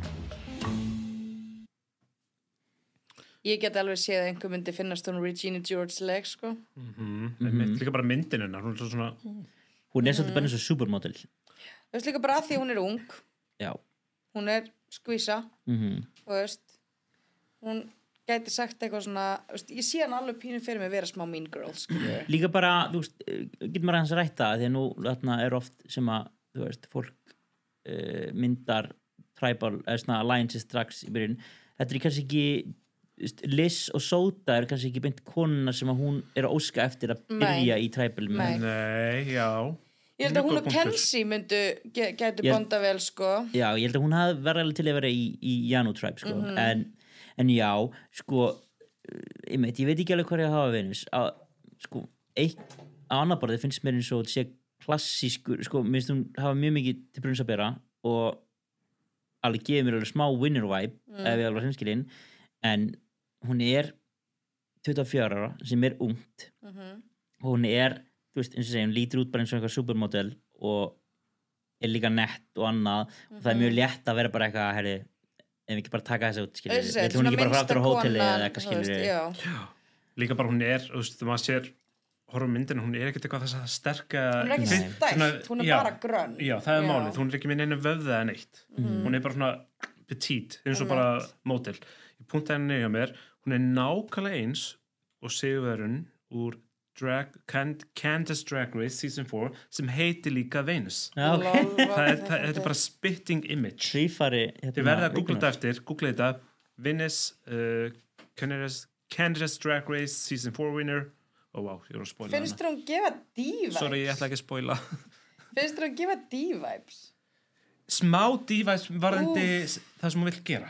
Já, já. Útlitt, persónleiki nei en hún bara svona, ég vil vera lögfræðingur ég vil berðast fyrir Já, já, já, já, já, já, svona já. smá þannig Já, já, já, skil. persónleikin að því uh, mér fannst til dæmis eins og D bara fyrst gett á hana ég bara, hún, hún vinnur þetta eftir ég bara, Já. Mhm. vá, mér finnst hún bara hún var stælt, hún var bara, veist, hún var kröftu hún var bara, ég ætla þú veist, mér hún finnst er alveg bara alltaf svona svo dívan alltaf svo svona well-rounded skilur við, já, hún mér var- finnst hún bara sjúklega þú veist, hún sagði bara, hún sagði bara, ég svík alla það er ekkert að fara á milli mín, Eða, bara í alveg þú Já. þarft pínu Mm. þetta blood attitude, skilur Mhm. En mér ég- finnst hún, mér finnst Vínus pínu svona, veist hún, aðeins svo mikið svona blóm þú veist.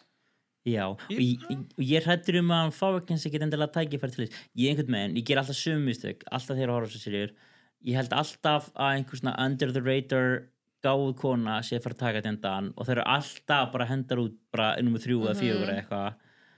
Uh, og ég held að sé bara ótrúlega erfitt að bara svona the, pers the, the perceptive is there skilur að, að það séu bara eitthvað svona æ, þú veist, hún er ekki að hjálpa í træpinu er svo lett að benda á það og einhvern veginn. Og svo getur líka bara röglega verið erfitt að þú veist mynda einhver tengsl þegar að þú veist kannski þeir sem þú verður að reyna að mynda tengslu eru líka þeir sem eru veikari í ættbólknum eða svona mm Erum við bara að koma með höndir kallinni hitta træp?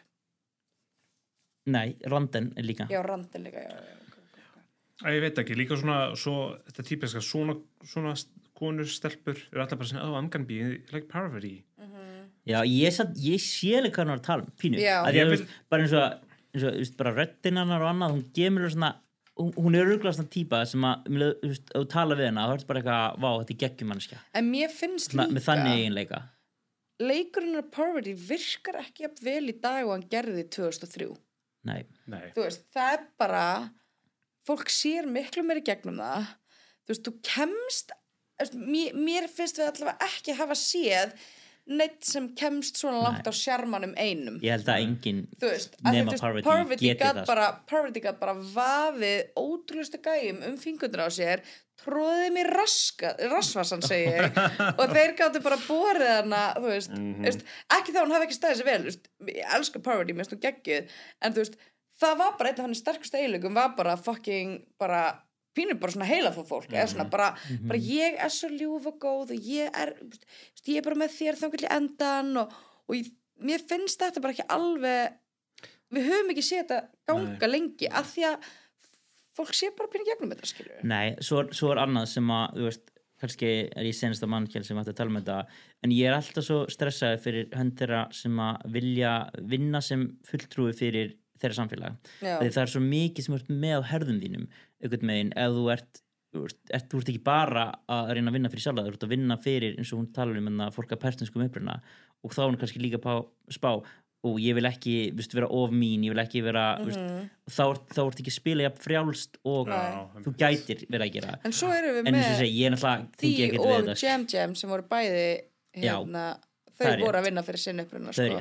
En þau líka voru mjög greinilega bara, en ég tilbúin að gera hvað sem er þau voru bæði alveg sama. ruthless og, það, Og það er ekki- allt þetta mér finnst við ekki búin að sjá neitt geðvögt ruthless. Nei. mér finnst enginn búin að koma hérna og segja ég er að fara að geta fucking bat soup til að vinna þetta. Vínus er þetta smá svona, smá svona I'm gonna be like this and I'm gonna pull it, I'm play like Parvati Já. að ég veit það ekki. En þannig að ég, held að Gaurin svo Ratan að Raiden segja bara I'm gonna play like ekki, svona- ekki þessi típiska Nei, já, Æ, já. veitu hvað ég meina, já. Já, ég skil hvað það meinar Nei, já, ég, eins og sé, ég Þetta er svona ég, ég held Já, þú veist, ég bara ég hef of oft haldið að einhver svona kona sé að fara að ganga vel og fara að vinna og, svona, og bara það, það, það gera það aldrei Nei. bara því miður, ég held að, ég held að pínu bara, ef þú ert ómikið þrætt að þá ert bara tekin út, ef þú ert svona snemma já, þú veist, augljóst þrætt Já, og þrætt sem er ekki með gott að læn sko. já, ég held, Þetta ég er, held að ég það sé líka að það sé hann, mjög hann fín er, lína sem þú þarft að, þú Mhm. veist hún er ekki þú fá getur ekki bara verið þrætt Nei, hún er ekki fá einmitt heldur besta træpið í, í byrjun sko. Nei. hún þyrfti meira gæletræp sko. Já, einmitt En Það gangi vel Vínus Já, Mhm. uh, þú verður hvað, fimm, Önnur fymta stjarnan frá sólu flýgur nú nálat sólu? Nei, all, allana Herri, uh, Já, já, já, já. ég þarf að höndir til að kenna mér hérna þetta. Mhm. Herri, næsti keppandi er Tevin uh, 24 ára leikari frá Richmond, Virginia. Tevin er sveitastrákur inn við beinið uh, en hefur ímsu fjörun og sopið í, á sínum uppvakstarárum í fyrstu held hann að hann vildi ekki vera leikari því hann hafði sé High School Musical og ekki fíla það Uh, en eftir að hafa verið nittu til að taka þátt í sönglaug eftir að kennarinn sá hann syngi í kirkju var ekki aftur snúið hann ætlar að hafa hræsleikan á opni og vonandi mun hann bop bop bop to the top It's happening. It's actually. it's actually happening right now. I had to overcome a lot. Watching my mom and dad kind of struggle to make ends meet, not having electricity, eviction or foreclosure or whatever was happening. A lot of adversity. But through that, I found who Tevin was. And I had no idea that I was going to be an actor. That's not what I, I thought about doing. I had watched High School Musical and I said, if that's what acting is, I, I don't want to do that. Hell no. But I got on that stage, all of the struggle that I had been through went away. I got to laugh and smile and do all the things that make me me in this one place. Acting is putting layers on, and then you come and you do this, and it's taking all that off and saying, Who are you when I distill you down to your finest level? And I'm excited to meet the Tevin I am after this. Oh, I can't wait.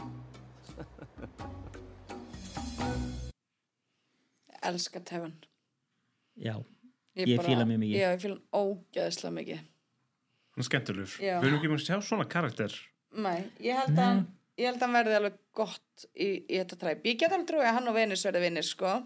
Já, hann er kannski svona hennar, hennar helsti svona björgunabátur já, einmitt. Ég fíla hann ógeðslega mikið, ég held að minna langt sko. Ef hann baggar ekki fólk þá held ég að minna ná mjög ég held að langt það sé málið. Ef hann bökkar ekki fólk þá næra hann langt. Það er málið. Hann er svona það er enginn að fara að kjósa hann út í The Merge því að hann er ekki physically hann er ekki svona Mhm. physical, hann physical er ekki threat. ógn, heldur sko. Hann er bara svona, líka svona skemmtileg karakter að hanga með og bara vilja Mhm. vera í kringum og ég held að hans helst ógn geti verið það að hann sé of social. Já, já. Ég held að hann sem, ég held að sem leikari þá ertu með svona ákveðna tilfinningagrind og svona, þú getur Mhm. svona settið meira í svona spór annara og tengt meira við alls konar fólk.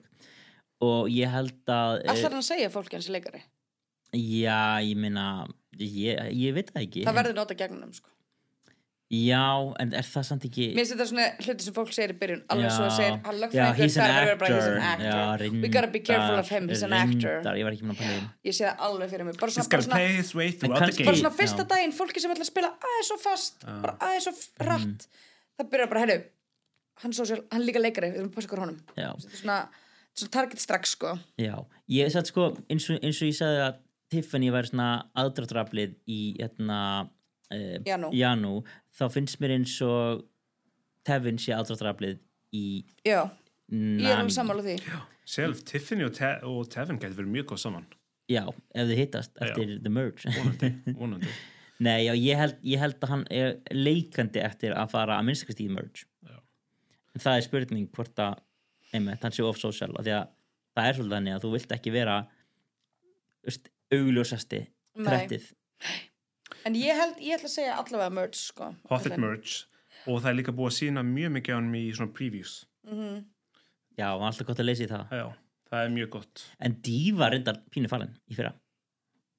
Já. hún, var, hún kom ekki fyrir í mörgum. En Dee er ekkert með risastórum persónleika hún er bara svona Nei, En svo finnst mér líka sko eins og segi, nú veit ég ekki hvernig leikar hann er en ef hann er sviðslistamæður Ég held að það sem alveg þá er hann alveg, þá get ég alveg trúið að hann sé góður líkamlega líka sko. Já, það tekur á að hlaupa pottþétt, um á sviði sko, Mm. þannig að ég get alveg séð, veist, hann er kannski ekki sterkur hann er kannski ekki að fara að bera geðið marga sandpoka en ég held að það sé fljótur. Nei, einmitt.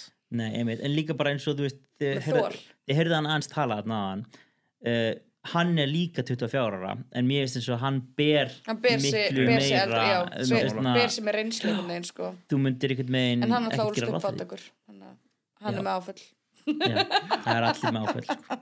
hann, minn, áfölli bæta fimm árum á hann minnir mig á gaur á keppandan, ég held hann heiti Bruce og er úr KKN hann var, hann var einu beauty tribe The Bryce Bryce, Já, já, hann er minni svolítið já, Bryce já. sko. hann er svolítið svona Bryce Bryce og Bryce er náttúrulega Bryce bara mjög stór skemmtilegur. í Survivor community, community núna það er svona svipað væp Bryce var mjög skemmtilegur og svona mikill persónleiki og þeir eru með svipaðan persónleika en Bryce var alltaf bara kosin út bara í þætti tvö já. þannig að en, en hann var líka svolítið weak eða þú veist ég samt ekki, þetta var, þetta var líka Já. bara svona a different time, þú veist, Já. við erum að tala um það að, þú veist, Bryce þegar hann var að keppa sem er í serju, hvað, 28 þú veist, hann var, þá var hann fyrsti, hérna svarti samkynniði mann til að keppa. Já, bara til að keppa einu sinni skilju wow. og, og svo kosin út fyrstur af hans, hérna ættborki, eða svona, þannig að þetta er svona kannski það málið. veist, LJ og Jeremiah sem er svona einhverju country boy skilur, þetta er svona smá, já, smá Já. iffi en etna, þú veist, hann var bara túsu, eða, þú veist, bara fólk kunni ekki með hann. Það er bara, Trevin er Bryce og Venus er Morgan. Ég, Það er ég, ég er mjög hrifin af, af Trevin sko. ég, ég held að minna langt. Já, Ég ég, Tevin er hérna, Final Three, hann er svo þægilegur ekkert með, þetta er bara svona þetta er bara svona gæði sem getur átt bara bara spjall við, Já. bara heil lengi og ég bara svona, hann ó, líka hvert fór tíminn, skilur ég sé hann líka fyrir mér að hann gæti alveg verið duglegur in, þú veist, the camp. Já, Þú veist, ég sé hann ekki mikið fyrir mér drolla. Nei. Nei, við erum of sammála finnst mér. Við erum búin að vera alltaf sammála þarna fyrir utan með eina, stóra undirtekningu. Nei, ég segir svona. Nei, ég, ég, mér líst mjög vel á hann og ég held að þetta sé ekta hérna, threat to win. Mm. Sammála. Já, ég sammála. Ég, Hann er að lista hjá mér, sko. Hörru, Þessi recruited by Sophie Johnson? Þá er það Recruited by Sophie Johnson? Nei, Já, bara- ég, er bara hver Sophie Johnson Ég var ekki alveg, ég bara hver er það? Var ekki alveg að tyggja?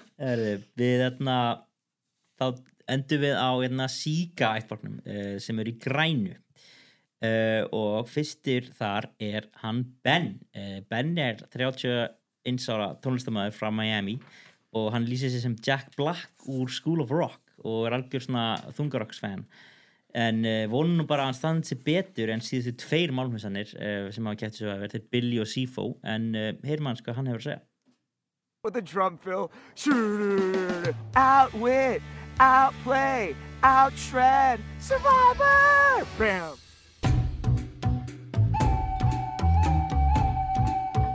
But when I was a kid, I had like a lisp and a stutter, and I never fit in. My mom put me in piano classes. And like one day to the next, I was like obsessed, and my whole vibe and mood totally changed.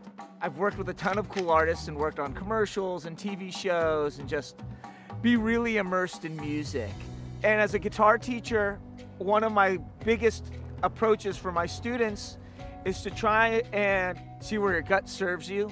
And wouldn't Survivor be the ultimate test? All you can really go with is your gut. Will my gut serve me correctly? You know, who knows? Maybe I'll get voted out first. Like if Jeff goes, the tribe has spoken, I'll be like, that does not rock. Já, Ben mm Ég hef ekki miklu voni fyrir Ben Nei. Ég, hann, er að gefa svolítið mikið sífú væp sko. Já, Sorry, líka bara svolítið djart að segja og sérst þessu Jack Black allir minn það er enginn svo Jack Black Sérstaklega í skúla frá sko. Pissi, pissi sko. Nei, já, hann hann að Já, ég held, mér finnst, ég hef tilfinninguna að hann veit ekki alveg hvað hann er að koma sér út í mm eins og með Þetta er the cloud sky sko. Já, uh, já, hann er einhvern veginn uh, ekki alveg nóg samfærið finnst mér og ég er ansið hættur um að hann er því fyrstur út í sínum aðblöki Mhm. Já, ég held að svona karakter svona persónlega ég ekki eftir að, að fíla mjög mikið um, en ég vonum, vonandi bara púla hann ekki sama múf og Billy okkar gerði Já, kannski verður hann bara, hvað er, er? Can Candice from, Já, einmitt, en hvað konur er með hann með hérna? ekki, kannski verður hann bara in love with kannski, kannski verður hann bara in love with Venus Mm. Já, frá- frá ættbálknum, hann já. bara study the map and Venus said she loved me og Það- eitthvað svoleiðis Ég vona að vera ekki neitt showmans núna Nei, ég sé það ekki í kortunum sko. en einmitt Ben sko á þetta, hann er bara 31 ás Já. ég held að hann væri miklu eldri. Looking 45 sko. Bókstala, hann lítur út fyrir miklu eldri líka bara svona ekt, þótt hann sé svona rockari hann samt lítur út um að vera eldri svona ektar eins og hann sé eldri, líka bara hann klæðið sig. Já, í Maður veðrast, aðeins í rockinu sko. Já, þú veðrast vist í rockinu sko. Uh, það hrökkur svona mál smá Doobie og okkur svona. Doobies hana en, Doobies and the drugs. Já, sko, Ben það, ég sé, sé þetta er Ég ekki held að að vera gera sko. pre-merge sko. Ég er ekki Já. Ég fannst alveg Sifu Sifu var alveg komið með hitta bara strax í fyrsta etti og ég held að vera mjög svipað með hann sko. Já, ég held að, ég held hann að er líka, ég held að hans stærsta vandamál sé að hann er ekki búin að sjá Sifu keppa. Nei, Ég held að hefði hann verið búin að sjá Sifu keppa þá myndi hann svona aðeins svona að ég ætla að passa mig að vera Já, ekki þessi típa kannski. en ég held að hann verði alveg já, ég, pre-merge segi ég. Ég, Já, ég er svolítið hættur fyrir hann lengst bur, svona merge boot sko. Ég held að, hann- ég held að, veistu, kemur ekkert orð. Ef bara frumsingkatturinn byrjir á Ben og hann er gæða shredding og endi á hann að shred, bara taka stairway to heaven that doesn't sko. rock. Já, bara ég ég stressaði fyrir hans It's gonna be the Ben show the first episode. Já, búið. ég meina, svo náttúrulega höfum við séð annan Ben sko áður, henda í Ben Bomb sko, þannig að Það er ekki Ben Bomba í þess að Nei, ég Ben fær ekki ekki mikið frá, frá friðvískastinu Nei, því miður, Greg Hallin. En úr döðrokkinu yfir í poppið uh, en Charlie er 25 ára hérna, lögfræðinni frá Boston og er uh, fulltrúi Taylor Swift aðdánda í þessari séri hann er með hlaupabóluna eins og margir íslendingar uh, þjást af og ætlar, surprise, surprise ekki að segja neinum að hann sé verandi lögfræðingur I will be in different Taylor Swift eras in different portions of the game. When it's time to make a move, reputation on repeat.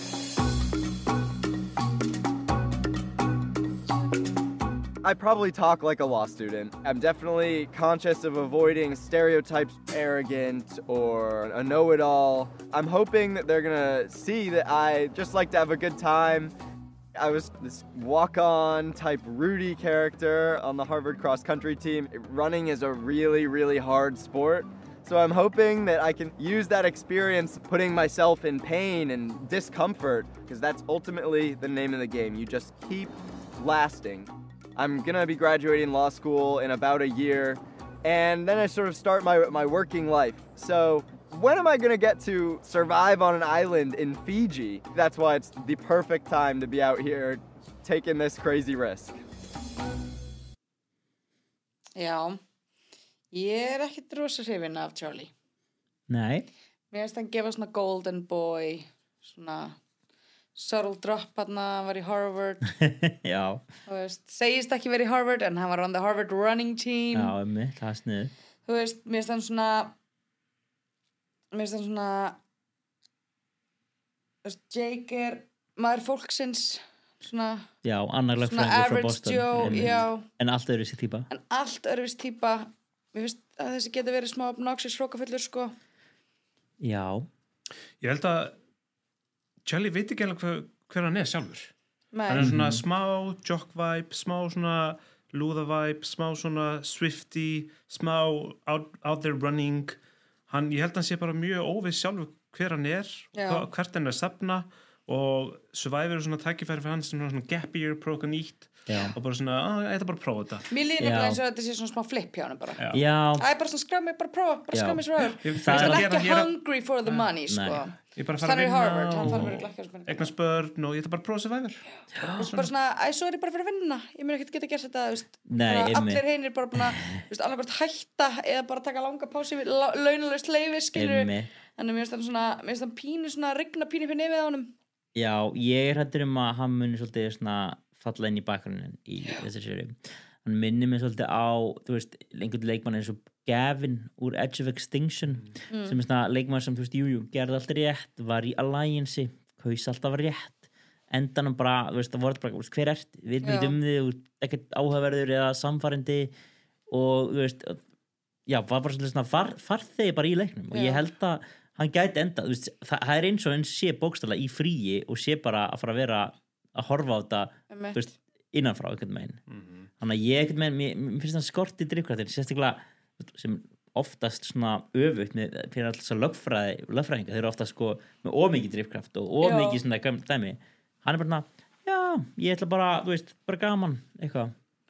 Mér finnst hann líka svona, ég sé hann alveg fyrir mér svona böggasta fólki, rífastu fólk. Þú veist, Ég get alveg sé hann Já. fyrir mér sem svona heitskeið í, í Ég, trefinu, já, sko. ég eitthvað ekki alveg segja, ég, er, ég held að hann sé meira eins og blöð tuska, sko. Já, mér líður bara þú veist, hann er lögfræðingur, hann er á Harvard, ég sé hann alveg fyrir mér svona, uh, Mhm. eitthvað svona, böggast eitthvað. Já, en það er mála, ætti hann mjölka það að hann sé Swifty til að fá svona fleiri fans og, og 100%. bara ef hann var ekki hann hefði átt að segja að hann væri svona CS hann væri CS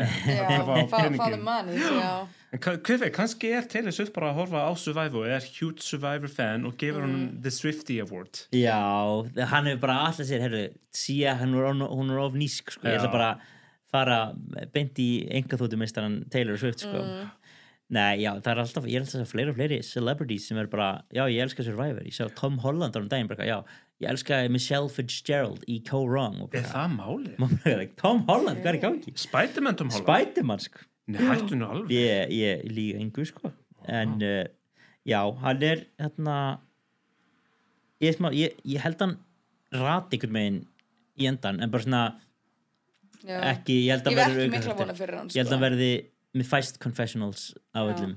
Já, kem ekki ávart bara, hann, ég hef eins og segja, hann er svipaður og Gavin sem að Mhm. þú talaður um það er svona Gavin var með mjög ekki persónuleika svona þeim previews, previews fyrir uh, seríuna þá var Gavin svona mikið persónuleiki og svo leiðis Mhm. svo bara var ekkit var ekkit á hann í þættinum? Nei, það var, hann var alltaf einhver svona ananas skirtu og svona ég er svo flippaður í með ananas. Og Kannski Mega hann- Survivor lúði og eitthvað. Já, kannski er Charlie, þú veist svona, ég er svo flippaður, ég er Swifty er svona, Ég sé til dæmis fyrir mér að hann mun ekki þóla Ben.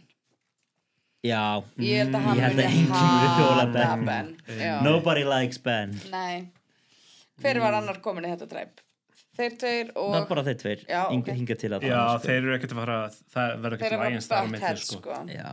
hann, Benni er ekkert að fara að taka eitthvað Swifty solo Já, eða sko, ég held þessi ekki fara butt heads en þeir eru bara svona að fara að sitja og ekki, ekki tala saman Já, ég geti bara trúið að hengi mér Harvard hann er alveg ekki bara þóla eitthvað svona síðarðan rockara pjesa sem er bara eitthvað aðtiklisjúkur sko.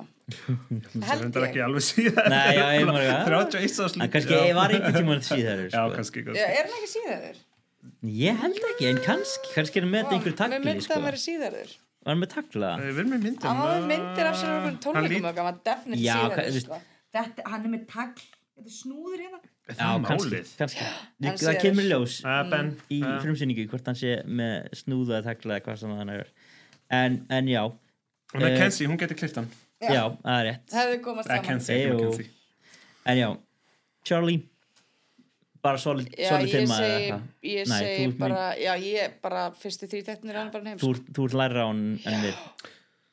En fyrir eftir treipinu, eins og ég segi, þú veist. En kemur Já, ekki vart já. með hvernig mikið fyrir serja Mhm. Kemur ekkert á vart að hann verði út undan af því Já, hann er ekki eins svo obtuse eitthvað. hann er alltaf normal. Já, En heyrðu, ef við ekki bara demba okkur í næsta kemata Mm.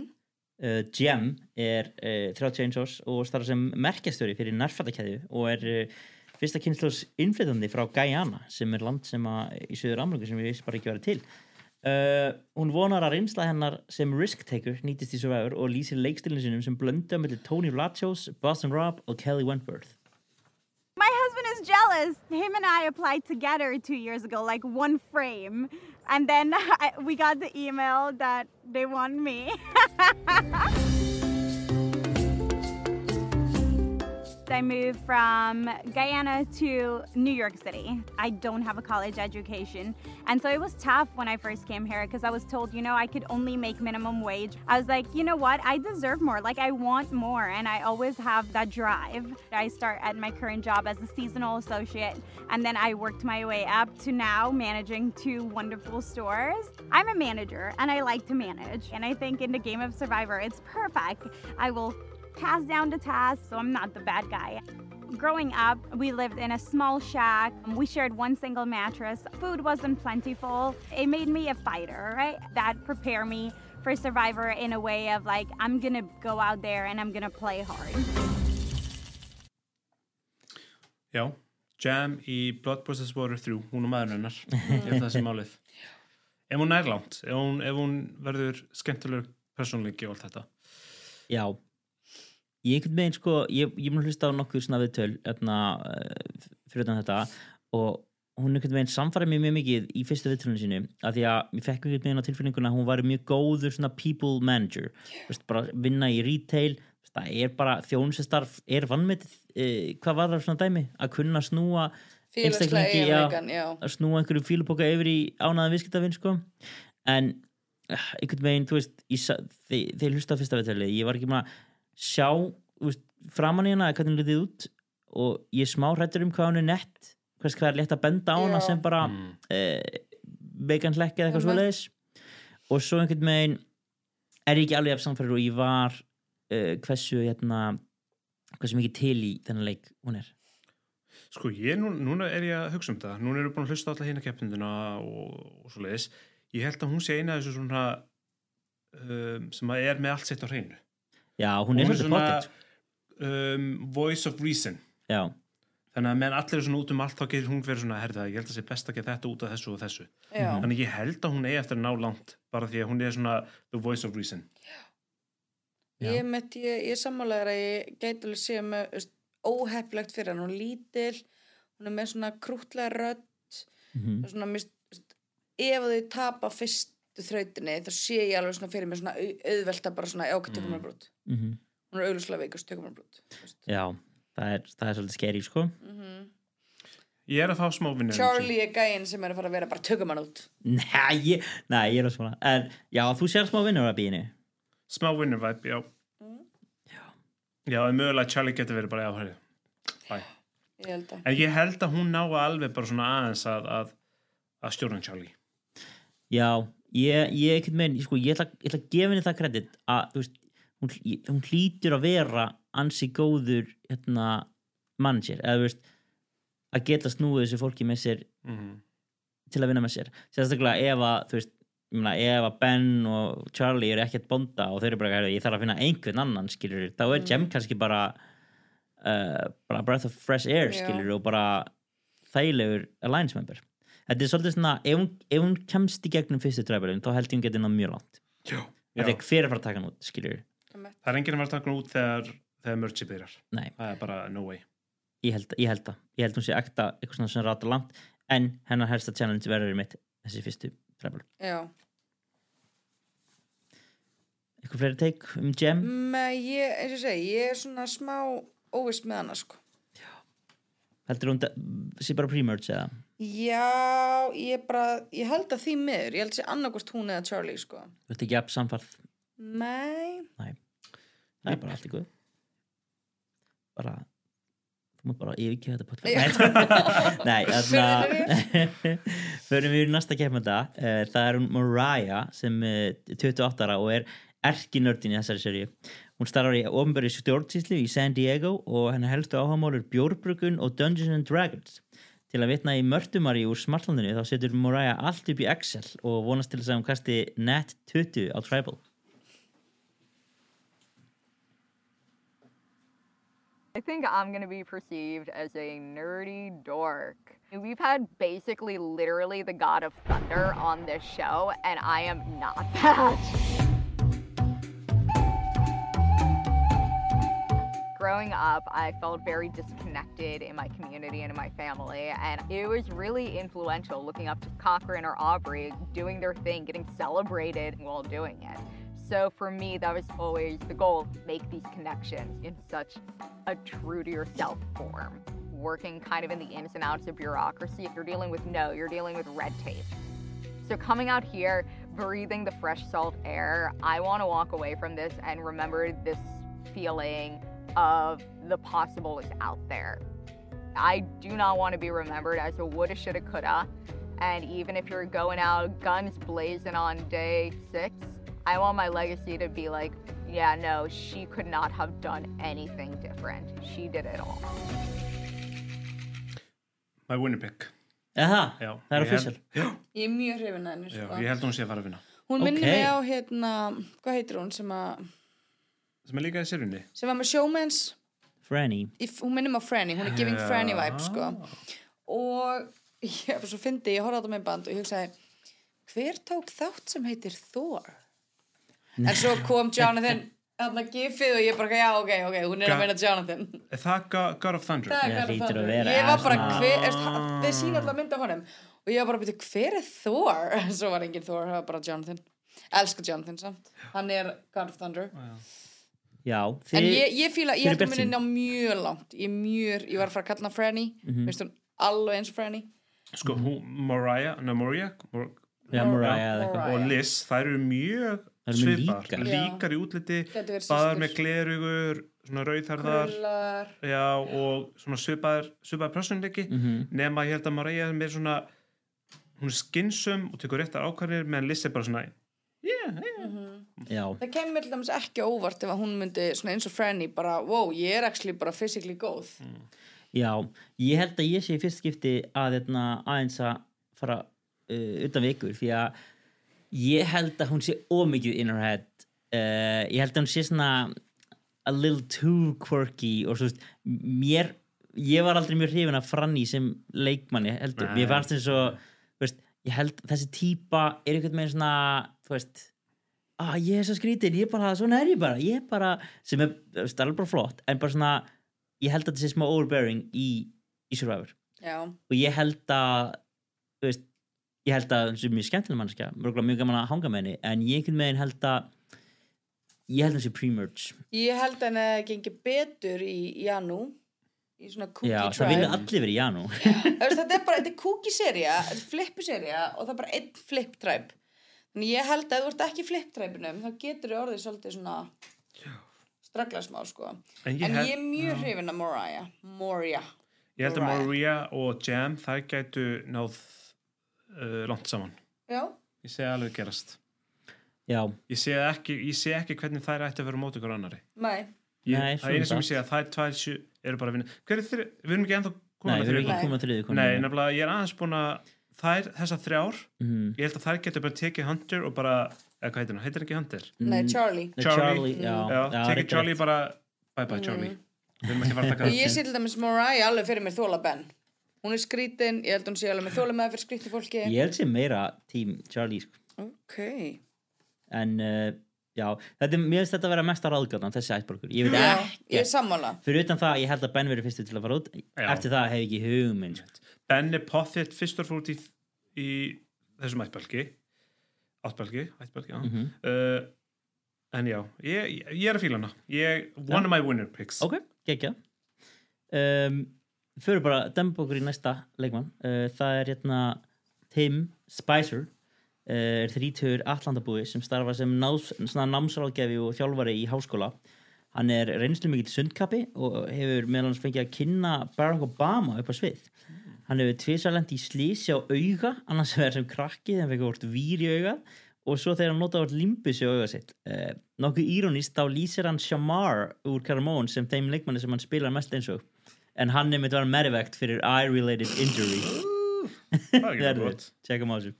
You've never seen a black fish, that's me. It was Tim Swims, Speedo Spice.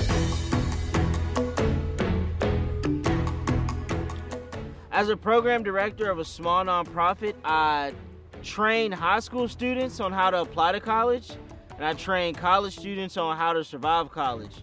I found this program when I was in high school, and they just began to pour into me as a young black male, and that really inspired me to inspire more young black males as well. I met Jasmine. Um, I took a class at Spelman. She was in the class. I was passing her notes. She's been pushing. We've been pushing each other ever since. She inspired me to apply to Survivor too. So I'm playing for Spicer Party of Four. For my sons, this is an opportunity for them to say anything you put your mind to, sons, you can do it. Mm-hmm. Team Spicer, ladies and gentlemen Já, ég held út frá þessu vitali að hann sé ekki með mikið gameplay hann talaði bara um fjölskyldinu sinna og æfuna sinna Já. og mér fannst ég ekki svona fá neitt svona fútt. Talaði hann ekkert um gameplay í, í þessu vittar nepp, ekki múk Nei, mér, þetta, er, sko, þetta er mjög fyndin klippa því að hann eins og sig að já, ég er bara gæða chillandi hann hljóma svona smá svona seint. Já, já ég, ég, ég, ég, hug, ég já, hugsa það smá en ég ætla en sér, ég hlusta líka annað viðtalið með hann þá var hann bara mjög skýr og Já, mér finnst hann sko. hljóma svona smá fattlaus í þessu vitali já, kannski, og kannski, er þetta með viðtalið hans þetta Já. dag og hann er bara eitthvað, jæja, hvað? Komið sólsting kannski bara. já, jafnvel sko. En kannski er það smá svona um, jam er Sherry því hún er vun að vinna með svona alls konar fólki í retail og stjórna og svona og hann er Shamar Já. erum við að fá annað Sherry og Shamar situation? Það var í svakrætt djúft púl sko. En ég veit ekki, Tim er alveg fín ég fæ svona smá Davey vibe en samt ekki. Davey er bara svona, yeah, go with the flow og bara svona skemmtileg kartir svona jolly, hressir, kátir um, en ég held að ég held að hann er eftir nálánt en hann á ekki eftir að make a neitt move, hann á bara eftir að vera hann Já, ég held nefnilega hann sé follower. ég held hann sé ekki nóg mikil gameplayer sko. það gæti verið sem að hann Ég held að konunar getur bara tekið Tim bara we can, ég sé hann fyrir mig sem swingwood sko. Bara hann er ekki með mikla skoðun hann er bara svona já, já, ég kýst bara með ykkur. Ég held að, já bara svo lengi sér ekki ég. Nákvæmlega, ég held að hann lifir alveg um, premature af lettilega, eða svona ég held að hann verður bara tekin upp í eitthvað Lions. En einmitt, kannski er hann ekki alveg hérna að fara að siglu segjum, ég held að hann sé meira bara svo er svona líka spurning bara hversu mikið er þessi skaði á augun á honum skilur veist bara í alveg, er hann að fara að vera ógæslega lengi að príla upp eitthvað neta því hann sér ekki neti nógu hann, vel tala ekki, hann tala ekki um það eins og hann væri sérst, uh, neitt skertur eftir Ok. þetta, þetta væri bara fyndin, Ok. fyndin upp að koma sko. Ok. en, en nei, já, hann er, hann er svolítið spurningamarki bara því að mitt, hann var svo mismunandi í þessum tveim viðtölum sem ég, Mm. sem ég heyrði hann um en já, ég hugsa hann sé svona bara svolítið svona loyal soldier í Alliance gæti, hann gæti alveg fengið svona eh, fengið þá flug í höfuð að svona, ég ætla, ég ætla aðeins að taka út my Mm. closest ally. Ég veit ekki bara í flippinu Já, ég sé hann til dæmis ekki fyrir mér gæði sem fer að leita á ædolum ég held, ég held að ég held að sé 100% sannig gæði Já, Ég held að maður sé, hann er að fara að leita ædol bara leið og koma ströndina og ah, hann er að besta leita er, já. Ég held að það sé hann þannig kannski, ég, ég held það. Já. hann, gef, hann minnir mér smá á svona, ég held að spila eins og Danny í hérna 44 Já, já, hérna, sem við varum með Robert De Niro eftir hermina bara svona, já, bara já, geta hress eitthvað svona why not, eða svona svolítið carefree En hann nær pottþétt í merge já, ég finnst það þessi klippa bara ekki gefa mér neitt Nei, Ég þetta- seti alveg henni bara frekar tóm eftir þessa klippu sko. Kannski var hann- ég- finnst hann eiginlega bara vestu klippuna hérna sko. já, hann, hann var ekki gefað mikið þessar Nei, klippi sko. ég hef þetta að hlusta á þetta viðtal sem þú hlustaði á Já, það var samt svolítið langt sko. En, uh, já uh, early, bara svona mid-merge eitthvað Svona merge, já. Já. Mhm. Herru, Mid-merge. Það koma senasta kemmandarum uh, í bili Maria er 47 ára og er mamman í sérun í ár Hún er elsti kefandinn ekki Jú, hún starfa sem uppeldistjálfari í dag en átti glæstan salsa fyrir á yngri árum og starfaði meðal hans uh, saminu með einhverjum okkar. Hún vonast til þess að geta snúið mömmubölvuninni við og standa uppi sem sigurveri í lógin. I told my kids, like, I'm gonna lie, cheat, and steal, and they're like, it's okay, mommy, don't worry.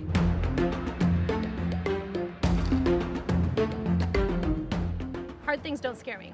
I had three babies born at home with no medication. My first son took 36 hours. I've run three marathons. I nursed one of my children right after I crossed the finish line. Like, I'm built for hard things. Growing up in Dallas as an immigrant was really hard. It was not cool to be brown, and I wanted to be just like everybody else. And it wasn't until my father died, I was 20 years old, that is when suddenly it was like, I don't want to be like everybody else. That kind of began my journey of being so proud of where I'm from and who I am. As a parent, but especially as a mom, your identity becomes that caregiver. And along the way, I lost sight of me. And so there were so many shoulds in my life that I should be doing. Survivor's my must. I'm playing now, this is for me. Ok, ef hún ætlar að ekki vera þessi típiska mamma í Survivor, ekki þá mjólka.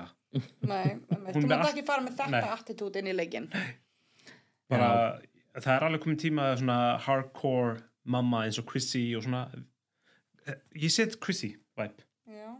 Já. Smá Chrissy vibe, en það er alveg komin tími til að svona hardcore móðir fara að vinna þetta því að, þú veist, að vera móðir, ég veit ekki hvernig það skilur að vera móðir, en það er örgulega erfitt, mjög erfitt hlutverk, en ekki samt mjólk þetta. En þú ert nú svona dagmamma Já, já, veit. Nei, já, ég er, ég er svolítið hættur um að hún sé bara næmitt mamma í bara þriðja veldi. Þú veist, ekki bara er mamma, heldur en eitthvað svona... Mamman. Heldur en svona, líka- ég er með eitthvað náttúrulega fæðingu og ég er sko foreldra þjálfi í dag. Þetta er bara svona, hún er, líka wow, búin að, hún er líka búin að segja að þú veist, hún misti bara sem persónuleikan sinn í móðurluturki Mhm. þannig að þú veist, ég held í alveg að það muni vera ekki rosa gott fyrir hana sko. eins og til dæmis bara Charlie svo ég hætti, heldur hann að fara að tönglast á honum ég sé hann ekki fyrir mér að fíla að hafa eitthvað mömmu Ég ætla að segja, ég ætla að segja Ég held að hann sé Já. algjör boy. Ég held að hann er að fara hann sé til Marju bara, boy. I need advice Maria, like, oh, I look up to Já. you, you're like my en mom ég sé það. ekki fyrir mér svona svona degurmamma, ofdegurmamma ég sé hana fyrir mér sem smá svona tough loving mamma. Já, þau, en samt þau eða samanlegt, hann er búin að vera út að hlaupa, hún er að hlaupa Já, já, og já, svona, reyndar, kannski, reyndar. kannski er Charlie og Maria, kannski er þau bara, Kannski er þau miðjan í Sandbergi. Já. kannski er það málið. Kannski, ég, Kannski ég, ég er ekki hann- að pæla í þessu fyrir núna, en þú segir það, þá þú veist, þetta er alveg náttúrulega ef að þau verða bara mamas boy duo Bara Tom- Tommy and his mommy, part 2. Kannski svona um, Dawn og Cochran. Já, emmitt. Ég meina, við höfum það séð er þetta ekki áður. eftir fyndið sko það málið. Er þetta það- púslið sem að The twist. Já, okkur vantaði Já, ég, eins og segi Ég held að ef við tökum bara hann ættborg uh, þú veist, Ben er svolítið skrúd Mhm. mm, True en, þú veist, já með Mar Maria uh, ég bara þú veist, hún bara því miður ekki að gefa mér nóg samfærandi bara neitt sammála sko hún er svona, þú veist, við, við höfum séð fullt af kjarnakonum sem er einhvern veginn smækkar í að vera mæður og einhvern veginn Mhm. ekki gefin þeim virðing sem það er að skilið en ég er að fá tvo tilfyllingur frá henni að hún er eiginlega bara svona just a mother, eða svona Já. æ, ég veit ekki, svo ljótt að segja þetta Nei, það nei, er en svo ekki að gera lítið úr hafa móðurhlutverkinu, En það er Nei. líka málið, En- hvað hún sem var í sérinu fyrja? En hún er bara búin að gera persónleika Julie. Julie. Julie var hörku kona og hún hefði geta gert alveg nokkur múf en hún gerði ekki bara út af því að hún var í þessum mömmulutverki Og mér fannst þau líka bara, mér fannst bara her alliance ekki gefinni neitt færi. Nei. Það var alltaf, hennar plönur voru alltaf sett í það er alltaf, það er bara þannig það er svona svona mömmur- nei mamma Mömmurnar eru aldrei Nei. skilurðu. þannig að she has a tough road ahead of her. Vitið hver er besta mamman í Survivor? Siri. Já, langbæsta mamman. Hún var heldur alltaf að mjólka það. Hún talaði nánast aldrei um börnin sín. Nei, já, Hún eða, eða Sandra. Sandra Se, líka Já, reyndar. Hún, alltaf dóttirna spilaði svo Survivor þannig Já, að það er saman líka. Hún var alveg bara cutthroat, I'll Já. take my daughter out sko. Nákvæmlega. En hérna nei, já, ég, Ég sé hana ekki fyrir mig kjósa ég sé, sín, ekki, sko. nei, ég sé ekki fyrir mér hérna, er hann út ég sé ekki fyrir mér þú veist ég sé ekki bara fyrir mér hína hliður Mariah sem er eitthvað sem þú þart þegar þú ert sérstaklega ef allir er að innfælda þig yfir í hlutverk sem er maður hlutverkið ef, þú- getur ekki sínt þeim fram á þú hafir aðra hlið þá ertu bara skrút. Maria the Salsa Danza Já. Við höfum ekki miklu trú á henni því mér Santa Maria. Hún er Santa að gefa Maria. sama væp og hún sem lendi þriðja sæti í 44 Heidi Já. Mm, Hún var já. bara allan tíman Mér fannst móðir. samt alveg svona aðeins svona Þetta er bara, raunlega bara sama konan Já, já, mér finnst Mér finnst hún aðeins meira svona Persónleiki Já, Já, svona og- meira Julie, Julie Megin heldur en já, og hún var líka með tvær En- hliðar einhvern veginn að meina, Já, þú veist, að því mér finnst Heidi alveg Heidi reynd alveg að spila bara Mm. mér finnst Heidi smá svona eins og Jake fannst enginn svona gett tilbúin að spila með Heidi eitthvað alvarlega? Heidi átti svaka múf með bara I'm gonna go to fire. Og svo bara fekk hún ekki the respect hún needed. Nei. Nei, já, líka bara tribe, final tribe var Já. erfitt, en svo var líka bara, veist, hún var á móti Jam Jam sem var að fara að rústa. Já. það er svolítið erfitt sko. en já, þá erum við að tala um alla keppnina. Mhm. og hvernig fyrir þessi séri í ykkur? Ég? Er spennt fyrir henni sko, mikið á rugglutallum, ég held að það verið mjög skemmtilegt. Skrautlegt, ég held að verið skrautleg serja Já, Ég var ekki spenntur því að bara ég sá preview og bara svona, oh, það þetta er ekki spennandi preview. Og svo er maður Ég búin er að lesa á netinu, það verður ekkert auction bara því að það er allt og dýrt. Ó, í ég meina, alvöru? auctionið geggja var fyrrað í fyrr, Það er bara búið að ákveða það fyrir hann? Það er, komið, það er búið að koma Ó, skýrt fram það er ekkert auction í Hvað þessari ég segja það er bara Nei, þeir þá bara ekki, þá ertu ekki að vera finnst spenn þá bara, nú ertu ekki spennað upp fyrir eitthvað sem kemur. Nei, og það er bara ástæðan akkur því að það er alltaf dýrt. Akkur er auction alltaf dýrt? Ég, við rættum þetta síðast bara- við rættum þetta síðast Það bara kostar ekki Þeir neitt. þurfi ekki að vera með peninga, verið Það er- bara með fire tokens. þeir Verið og með fíjíska mynd. En líka bara það hafið two tribes, sparið já, þeir það er ekki eins og að menn í vinnu. Leipa döðun úr skélana sko. Já, Ekki- nákvæmlega. bara, sorry, það er svo margt og mikið sem að Survivor er að gera í þessu New Era sem er bara ógist að drefleðilegt og það eru allir bara hardcore Survivor ándur bara two tribes, 39 days já, Já. bla bla bla bla. Eitthvað þema og Jeff hlustar ekkert á okkur. Nei, mér finnst líka eins og með þetta sko, ég er svona smá um, ég elska þannig Survivor, en Jeff hlustaði á Já, okkur? mér finnst skemmtilegt Já. að þessi seri að mér finnst ekki mér finnst- mér finnst engin svona Yoga Q um, Charlie Hunter, Soda Nei, ekki Hunter. Nei. Ég er meira bara að tala um svona peak physical, bara, bara svona augljóslega líkamlega yfirburði. Þú veist, það er eiginlega bara Q og, og já, það er engin Jonathan. Nei, það er engin Jonathan. Það er líka bara fínt. En mér finnst það skemmtilegt að, þú veist, Það er svo oft sem þú horfir eins og bara með Dee. Ég horfði á Dee og ég var bara, hún er að fara að vera best Já. líkamlega af öllum konunum bara, Ég sá það bara á henni skilur, Mhm. bara, þú veist, Þannig að mér finnst það svona Það er engin svona þannig sem ég er svona ú, hvað er þessi kannski er að mál með serju nagli. Að þau eru að mjólka persónleikan Já, já, kannski bara búin að finna út úr því að það er það sem að já, er Já. the core of Survivor já, þau vilja dreifa því immunity necklace. Já, Já, herðu, svo datt mér svolítið í hug bara innan lokin, bara upp á flippi við getum dreigið, eða svona ekki dreigið, heldur valið í lið. Og við getum svona fylgst með svona hvernig eitthvað gengur svona eftir í hvernig serían fer. Ég er búin að hérna randomæsa uh, röðunina og þess, það segir hérna að Gummi, þú ert fyrstur Mhm. svo Sofía og svo ég og svo verður þetta svona fyrst hann tilbaka aftur þannig að ég færi nú tvö í röð Ok, Þannig að ef ég velja ykkur, þá með þið ekki velja Já. já, ég fær Ah, aldrei tvö í röð. Við gerum þetta í síðasta, síðast seríu spurning hvort við höfum bara svona uh, ef við bara miða við fjóra manns eða viljum við taka alveg sexa mann eða? Tökum fjóra, ég held að það sé auðveldara Já, við getum alltaf lengt að við viljum eina Já. randi viðbúti. Ok. En þá mátt þú bara byrja. Hver, hver svona ætl þú að velja í, fyrst í liðið þitt? Hvernig elskar þú aftur? Mm, erum við ekki svona auðveldlega? Herri, uh, Maria. Ekki Maria, heldur Maria. Já, Mariah, já, já, já. Mariah. Mariah. Number one pick. Já. Þú ert bjartið fyrir henni.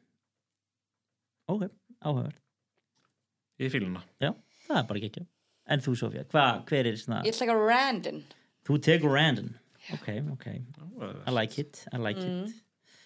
Sko, ég verður ekki hana Ég hef sjaldan verið í meiri með meiri valkviða upp á svona winners og annað. Eh, Þannig að ég er smá lost hvað ég á að gera en ég er að spá í að stela hérna tveimur uh, sem ég líst mjög vel á. Og það er annars vegar Tevin okkar allar besta leikara og Tiffany uh, Ó, ég ætla að taka Tiffany. Þið er með eigana. En þá, sem- þá komum við aftur á Sofíu mm Ég ætla að taka hmm, hmm, hmm, hmm. Ég ætla að taka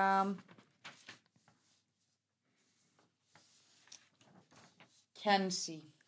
Kenzie, Já. The Bimbo Gal gott pick, gott pick. Nú farið þú að velja tvo í röð. Ó, ok. Óheppileg miða fyrir mig. Interesting. Já, eða Ok, sko Ég ætla að fá að taka Þú stalst Tiffany Já. og Tevin Ég ætla að fá að taka þau En ja, ég ætla að fá að taka Hunter. Hunter. Sko, hann Kennarasleikja Þetta er kennara, þetta er svona Mm. kennara alliance. Já. og líka bara það Kennarafélagi sko, ég held ekki, þú veist, ég held ég held hann sé að fara að vinna. Að, persónulega finnst mér ekki það per- persónulega er ég ekki eitthvað rosa spenntur fyrir honum en fæ, fæ, ekki, fæ ekki úr velun eða? Heldur hann sem að vinna er virka Jú, jú, segjum bara, segjum það séu velun í búði Ekki sami hluturinn? Uh, Blanda hann er, nei, ég held að sé, hann er hrættur um hann mjög mína ég ætla að taka Hunter. Já, Ok. það er bara flott. Og næsti? Svo fór að velja annan með þess þetta er erfitt uh, uh, Maður sagði, ég get líka haft það aðeins meira fyrir framann okkur. Gem. Þú tekur Gem. Mhm. Ég var pínuð vonast til að ná að stela henni. Sorry. I got a q-tip if you want to. Nei, uh, Já, ég veit ekki með það. Nei, hvað segir Sofía? Ég ætla að taka the dirty q-tip. Þú tekur Q? Alltaf Q. það að taka q-tip? Ég ætla að taka Þetta er bara Q. búin að ákvæða með dörti eða Nei, þú varst hérna Hættir í þennan sko. Svona bor í eirað Herru, ok, nú þarf að vanda valið. Ég You fæ better núna, Mm. núna að velja tvo í rauðurinni uh, Þannig að ég ætla bara að byrja á að velja uh, Venus. Taka sensinn Ok. Á okkar konum Og uh, Re svo ætla ég að taka Nei, Regina George Svo ætla ég að taka Mr. Jelinski. Jelinski. Hinn unga knáa Ég ætla að flippa. Ég ætla að taka Banu. Þú ætla að taka Banu, ok. Er Þú elskar. Banu. Ég elska Banu. Og þá ert þú með eitt í lokin. Ó, ok. Um, Þá erum við bara með fjóra mann. Er það ekki bara fínt? Þá er, þá er smá afgangur. Mhm. Þá getum við öll svona skammast okkar ef að þú veist ef að þetta er eitthvað Ben, Charlie og hérna, Maria Final 3 og allir tala um að þessu Mm. the best alliance in history Mhm. Úff. Herra, Ég ætla að vera smá flip og taka Liz Já, mér líst vel að það Ok. Þetta er geggjað Þannig að til að fara hans yfir liðin þá er hérna Gummi með Mariah, Hunter Jem og Liz Mhm. Sophia er með Randon Kenzie, Q og Banu og ég er með Tevin Tiffany, Venus og Jelinski Mhm. Og Þú uh, flippa, ég með hérna The Bimbo Girl með þrem köllum. Já, ég, held að, ég held að Kensi muni ganga vel í þessu treppi. Já, ég að mér finnst áhugavert að það eru, fjórir hérna úr síka grænaleginu í ágangs og svo, og svo Soda og hérna Jess uh, úr sitt hverju erbóknum Já, Þetta, þetta verður spennandi þetta, ég hlakka til að svo sérinar og ég hlakka til hversu ótrúlega rámt við munum hafa allar okkur skoðanar og bara strax í fyrsta tættinum kemur í ljós að einhver sé allt öðruvísi og allt en hver haldið að vera fyrst þeim? Gaurinn Ben. Ben. Já Ben eða Sora Ætlu þú að segja Ben líka? Nei, ég ætla að segja ætla að segja Q Ég Ætlu að segja Q? Ég held að En vissu að fyrstu tvei þættinir eru segja- tvöfaldir? Ó, vá, þú, fyrir ekki, þú ætlar að segja Ég- Alla, ég ætla að segja.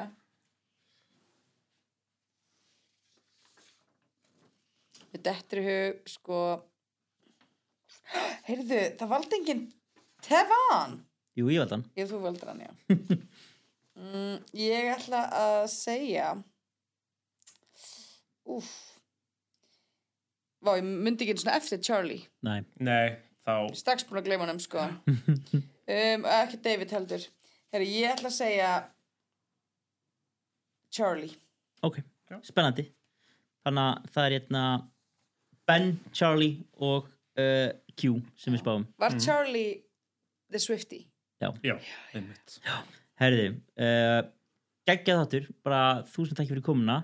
Ég tengi sér bara nýta tækifærið og hérna vekja aðtekli á þraukaranum sem er uh, æsi spennandi kefni, svona fantasy kefni fyrir uh, Survivor aðdöndur á Íslandi og allir sem að vilja taka þátt, bara um að gera það er rík umræða á Survivor aðdöndahopnum sem að heiti núna Survivor Ísland, Survivor 2. Ísland og bara um að gera að joina og eiga spjall og við það er alltaf svona spjöldum alltaf á förstu dögum eftir hátdegi þá eru flesti búin að horfa hættina á fymti degi eða eitthvað svo leis en já, bara endilega skráðu til leiks það er ótrúlega gaman að taka þátt í, í, í, þraugarunum og Ég elska líka alltaf að sjá hvað fólk skýrir træpi sitt. Já, og það er ótrúlega sko, núna eru fullt af fólki sem eru bara algjörlega ósamar okkur og þeim eru eftir að ganga, ganga miklu betur en við í, Já, þetta í fólk hefur enga þraugunum. Ekki vera svo en þarna, nei, að því þú veist, það eru ótrúlustu veginn svona útkomur sem að eiga sér stað og maður er alveg bara svona það skiptist alveg á milli hver er að fara að vinna hver er sinni sko. Mm. en, en já, endilega tjekka það því og bara fylgja sér með bara vikalegu þáttunum hérna frá friðhelgispjallinu við ætlum að reyna að að reyna að koma aðeins svona skipulagari eh, tímasetningu á útgjáð eh, helst þannig að þeir veru, ættu alltaf að vera komnir út á sunnudegi. Mm. síðasta leið Hljóma vel. Alright. Solid plan. Uh, eitthvað, eitthvað sem þið viljið taka fram núna í lokin? Nei, bara Bara takk fyrir mig, bara Já. ógislega gott að koma aftur. Ég er bara að sakna þess. Já, Ég er bara að sakna Survivor. Þetta er bara, mm, good to be back sko. bara ég er mjög spenntur spenntur fyrir, fyrir þessari serju ég var ekki, var það ekki en núna bara er ég til í þetta. Komin í stúdíu algjörlega. Þetta verður geggjað. Uh, eins og Jeff segir bara uh, hvað segir hann, the trap has spoken? Tribe has spoken. The trap has spoken, see you next week. Já. okay. Apply now! Apply now, Apply now. ok, bye. Bye